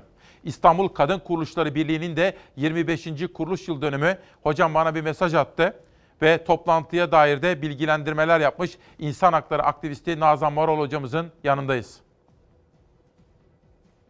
Cumhuriyet Halk Partisi kongre ve kurultay süreci kapsamında Diyarbakır İl Kongremizi tamamladık. Başkan seçilen ilk kadın başkanımız Gönül Özel'i tebrik ediyorum. CHP tarihinde Diyarbakır'da ilk defa bir kadın il başkanı olmuş efendim Gönül Özel. İsmail Bey bir mahkum yakın olarak söz verdikleri af indirim yasası ne zaman meclise gelecek? Kimse bu konu hakkında konuşmuyor. Bizlerde sabır denilen bir şey kalmadı diyerek aktarmış. Az evvel sizlere bir haber aktarmıştım. Gezi Parkı davası görülecek demiştim. Haberi izlerken teknik bir hata almıştı. Döndüm demiştim ki olabilir, olabilir. Önemli olan sakin kalmak ve kaldığımız yerden devam etmek.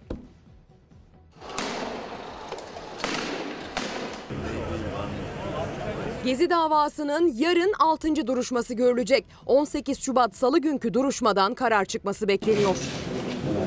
836 gündür tutuklu bulunan Osman Kavala, 221 günlük tutukluluğun ardından tahliye edilen Yiğit Aksakoğlu, daha önce yargılanıp beraat etmesine rağmen yeniden yargılanan Mücella Yapıcı. Görülecek davada haklarında karar çıkması bekleniyor. Ayrıca tutuksuz yargılanan Çiğdem Mater, Hakan Altınay, Mine Özer'den, Can Atalay, Tayfun Kahraman ve Yiğit Ekmekçi hakkında da 15 yıldan 20 yıla kadar hapis isteniyor. Davanın tek tutuklu sanığı Osman Kavala içinse avukatı Avrupa İnsan Hakları Mahkemesi kararına dikkat çekti. Kavala'nın avukatı Köksal Bayraktar, Cumhuriyet Gazetesi'ne yaptığı açıklamada altını çizdi. Müvekkilinin 70 günden bu yana Avrupa İnsan Hakları Mahkemesi'ne aykırı bir şekilde tutuklu bulundurulduğunu, bunun yasalara aykırı olduğunu söyledi. E, bu yargısız infaz gibi aslında. Her ne kadar yargı gibi gözükse de yargısız infaz gibi. E, tabii Tayfun Bey ve diğer arkadaşların da yanındayım. Onu da ifade edeyim. İstanbul Büyükşehir Belediye Başkanı Ekrem İmamoğlu'ndan da yargılanan isimler için destek mesajı geldi. İstanbul meydanlarına kavuşuyor projesi kapsamında Taksim'de kurulan geçici sergi platformunu ziyaret eden İmamoğlu sürecin yargısız infaz olduğunu söyledi. Ne acıdır ki işte böyle özgür alanların, özgün alanların güzelleşmesi için mücadele eden insanlar böyle kısır işlerle bugün yargılanan insanlar ve e, onlarca yıl mahkumiyet talep edilen insanlar. Ya biz buna da karşıyız. Aradığımız şey ne bizim? Terbiye değil mi? İncelik, zerafet. Hangi partiden olursa olsun AK Partili bir belediye başkanı veya yardımcısı da halka hakaret ediyorsa, CHP'li bir delege de halka hakaret ediyorsa ayıptır demek. Bu konuda bir haber var. Partiler önemli değil. Her zaman altını çiziyorum. Önemli olan ortak yaşadığımız bu ülkede, vatanımızda medeni ve kibar bir hayatı inşa etmektir. Ona ilişkin bir haber. Savaş hazır mı? Hazır. Peki. Şimdi az evvel sizlere demiştim ki ne darbesi kardeşim? Darbe söylentilerini gündeme getirerek neyi gözden kaçırıyorsunuz? Bugün Bir Gün Gazetesi'nde 9. sayfada yok artık yine mi darbe? Melih Pekdemir. İşte o da bugün böyle bir yazı kalemi almış efendim. Birkaç gün evvel hafta sonuydu. Kültür ve Turizm Bakanı aradı. Sizlere geçen hafta ifade etmiştim. Çeşme projesi İzmirliler, Egeliler kaygılıydı. Burada aktarmıştım. Bakan dedi ki gel kaygılarını sor. Seninle birlikte Ertuğrul Özkök ve Fatih Altaylı da var dedi. Ve biz Tayfun kardeşim ayarladı sağ olsun. Gittik buluştuk ve bakana sorularımızı sorduk. Bakan kesin bir dille Çeşme'ye doğal güzelliklerine dokunulmayacağını, asla Çeşme'ye bir kanal yapılmayacağını ve iddia edildiği gibi orada Suud sermayesi falan böyle bir şeyin söz konusu olmadığını söyledi. Geçelim iki numara. Bakana tabii sorular sorduk. Hem Ertuğrul Özkök yazdı hem Fatih Altaylı yazdı. Her ikisi de kendi köşelerinde. Bakana da biz dedik ki İzmir'i, Çeşme'yi çok ilgilendiren bu konuyu yakın takibimize aldık. İşte notlarımız da burada. Bu da bizim takip listemize giren temel konulardan bir tanesi oldu efendim. AK Partili belediye de olsa, CHP'li delege de olsa halka, kadınlara hiç kimse hakaret etmemeli, edemez. Bir sakin olun tamam Ben neydim gel Belediyeyi protesto eden vatandaşın yanına geldi, küfür etti, geri döndü. Belediye başkan yardımcısının bu hareketi büyük tepki topladı. Bir sakin olun tamam Ben neydim gel İstanbul Sultanbeyli'de tapu raiç bedelinin yüksekliğine isyan etti ev sahipleri. AK Partili belediyenin önüne yürüdüler. Seslerini duyurmaya çalıştılar. İstifa çağrısında bulundular. Evet 200 milyon bana gelmiş. Ben kocam emekli. Aylık 1600 al- alıyor. Ben 1600'den 200 milyar nasıl ödeyeceğim? 350 bin nüfuslu bir ilçenin belediye başkanına hakarete varacak şekilde söylemler olmaya başladı. Bunu biz Belediye başkanı çıkacak, kendisi konuşacak. Diyecek ki vatandaş durum böyle böyle. Yine bir yalan konuşacak. Yalan konuşsun abi, yalan konuşsun çıksın da. Çıksın da yalan konuşsun ya. Protesto sırasında belediye başkan yardımcısı Erkan Dinç koşar adımla bir ev sahibinin yanına gitti. Utanmıyor musun dedi. Sonrasında da küfretti. Ettiği hakaret sosyal medyada yayılınca da küfrettiği kişinin evine gidip video çekti. Ahbabımızla aramızdaki diyalog farklı yansıtılıyor açıklaması yaptı. Tevfik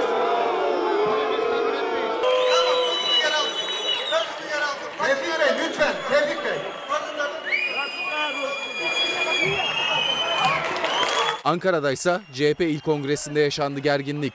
Delege Tevfik Koçak kürsüde Siyasetçinin işine, kadının işvesine aldanılmaz dedi. Salondaki herkesin tepkisini çekti. Lütfen. Oturur musunuz? Lütfen otur yerine. Evet, Tamam özür dilerim de. Kadınlardan özür otur lütfen. Özür dilemeye çalıştı ama onu yaparken de yine terbiye sınırlarını aştı Koçak. Şişelerin hedefi oldu. Salondaki erkekler de sinirliydi sarf edilen sözlere. Koçak salondan çıkana kadar tepkiler kesilmedi. Utan yaşından. Benim babam da. Kardeşim ben senden özür dilerim. Ya sen kimsin? Sen kimsin? Sen işte bak senin gibi adamlar. Arkadaşlar lütfen. Yunus Bey. Gerçekten utanç verici değil mi? Neler hissettiğinizi, neler söylediğinizi biliyorum. Aynen katılıyorum efendim. Profesör Özgür Barış Etli Atatürk isimli kitabıyla burada. Bir dahinin keşfedilmemiş dünyası. Çalışan Anne Irmak Özkaşıkçı Orman. Çalışan Anne isimli kitabıyla Çalar Saat'te. Ah benim şeker fabrikalarım, şekerin çocukları Kenan İpek. Elazığ'dan bir görüntü var. Ajanslarda gördüm. Ezgi'ye dün akşam yazdım. Ezgi dedim.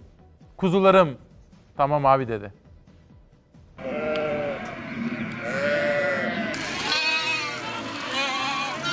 Bunların işgüdüleri bunlar kendi kendi koklayarak bazıları sesten tanıyor yani en, en önemlisi sesidir. Sesten tanıyor bakıyorsun kuzu öbür köşeden meliyor koyun öbür köşeden meliyor o meleme esnasında gidiyorlar birbirini buluyorlar. Tabii ki koku da önemli yani onların en e, avantaj şeyi kokudur. Kokularından, seslerinden birbirlerini tanıyorlar.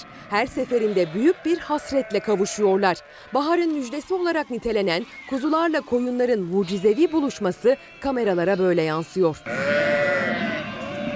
Birbirini bulmak için süt emme telaşındalar. Elazığ deprem olduğu için okullar tatil oldu. Ben de annem babama yardım ediyorum. Böyle bir aydır kuzular doğmuş. Kuzularla koyunların buluşması renkli görüntülere sahne oluyor. Görüntüler depremle büyük acıların yaşandığı Elazığ'ın Şahinkaya köyünden. Koyunlar kendi kuzusunu, kuzularsa kendi annesini hatasız buluyor her seferinde. Yüzlerce kuzu ve koyunun buluşması bu kez havadan görüntülendi. Kuzular sadece sabahın erken saatlerinde ve akşam güneş batmadan önce anneleriyle iki kez buluşabiliyor süt emmek için. Kapılar açılıp da aralarındaki engel kalkınca telaşlı bir koşu başlıyor. Kuzular annelerine, koyunlar yavrularına sesleniyor. Kimi sesinden, kimi kokusundan buluyor yavrusunu. Annelerle yavrularının buluşması her sene bu zamanlar kameralara yansıyor ve her seferinde izlemeye doyum olmayan o mucizevi buluşmalar kaydediliyor. Demek ki artık yavaş yavaş bahar geliyor. Beni en çok etkileyen görüntülerden biri budur efendim. Her yıl bu zamanlarda size de göstermek istiyorum. Şaristan'ın Gözleri Ercan Kalkan'ın yeni kitabı Çalar Saat'te. Onur Sermik sahi aşk bu mu diye soruyor. Bu arada bugün geçen hafta konuştuğum bir anneyle Meryem anne hani demiştim ya size 3 evlat yetiştirmişti. Onunla tanışacağım bugün. Bir yolculuktur aşk Betül Ak örnek. Ve bugün efendim bugün Şubat'ın 17'si Tam da Cumhuriyet'in kurulduğu günlerde 17 Şubat 1926'ya gidiyoruz şimdi. Cumhuriyet'in kuruluş dönemi. Gazi Mustafa Kemal Atatürk devletimizin kurucusu.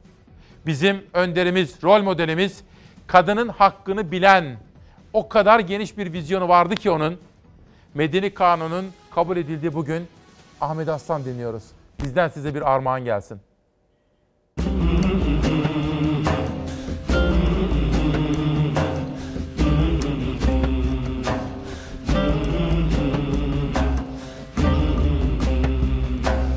Yüce dağlar başında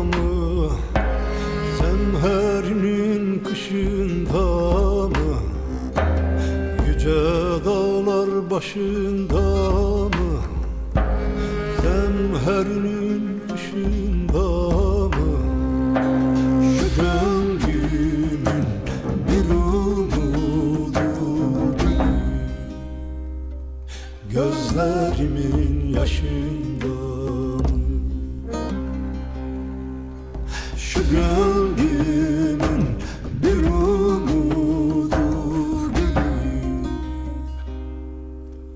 Gözlerimin yaşında. Kırılsa da kanadımız Asiye çıksa adımız. Kırılsa da kanadımız Asiye çıksa adımız. Duyan duysun Bilen bilsin Böyledir bizim sevdamız. Duyan duysun Bilen bilsin. 17 Şubat. Yani medeni kanunumuzun kabul edildiği bugün haberlerin, manşetlerin, yorumların, gazetelerin dışında ülkemizin kurucu önderi, devletimize adını veren Gazi Mustafa Kemal Atatürk'ü, onun kadınlara gösterdiği duyarlılığı, verdiği yetkileri, güçleri konuştuk. Ayrıca ekonomiyi ıskalamadık. Ekonomiyi konuşmayalım mı dedik İsmail Küçükkaya ile Demokrasi Meydanı'nda. Şahristan'ın Gözleri Ercan Kalkan bu sabah böyle bir kitapla çalar saatte. Esma'nın Devran İnci Suyun şarkısı ve benim okuyup da etkilendiğim Nietzsche kitabından Taner Şanlıoğlu'nun yaptığı alıntıyla hepimizin yolu uzun. Bu hayat gailesi diyoruz ya uzun bir yol. Peki bunca yolu ne için yürüyoruz?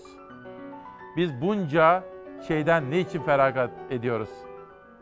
Nietzsche diyor ki, her birinizin kanatları olması lazım, kanatları. Özgürce uçabilmemizi, sınırları aşıp yükselebildiğimiz kadar yükselmemizi ve özümüzde, yüreğimizdeki o şeyi keşfetmemizi istiyor Nietzsche.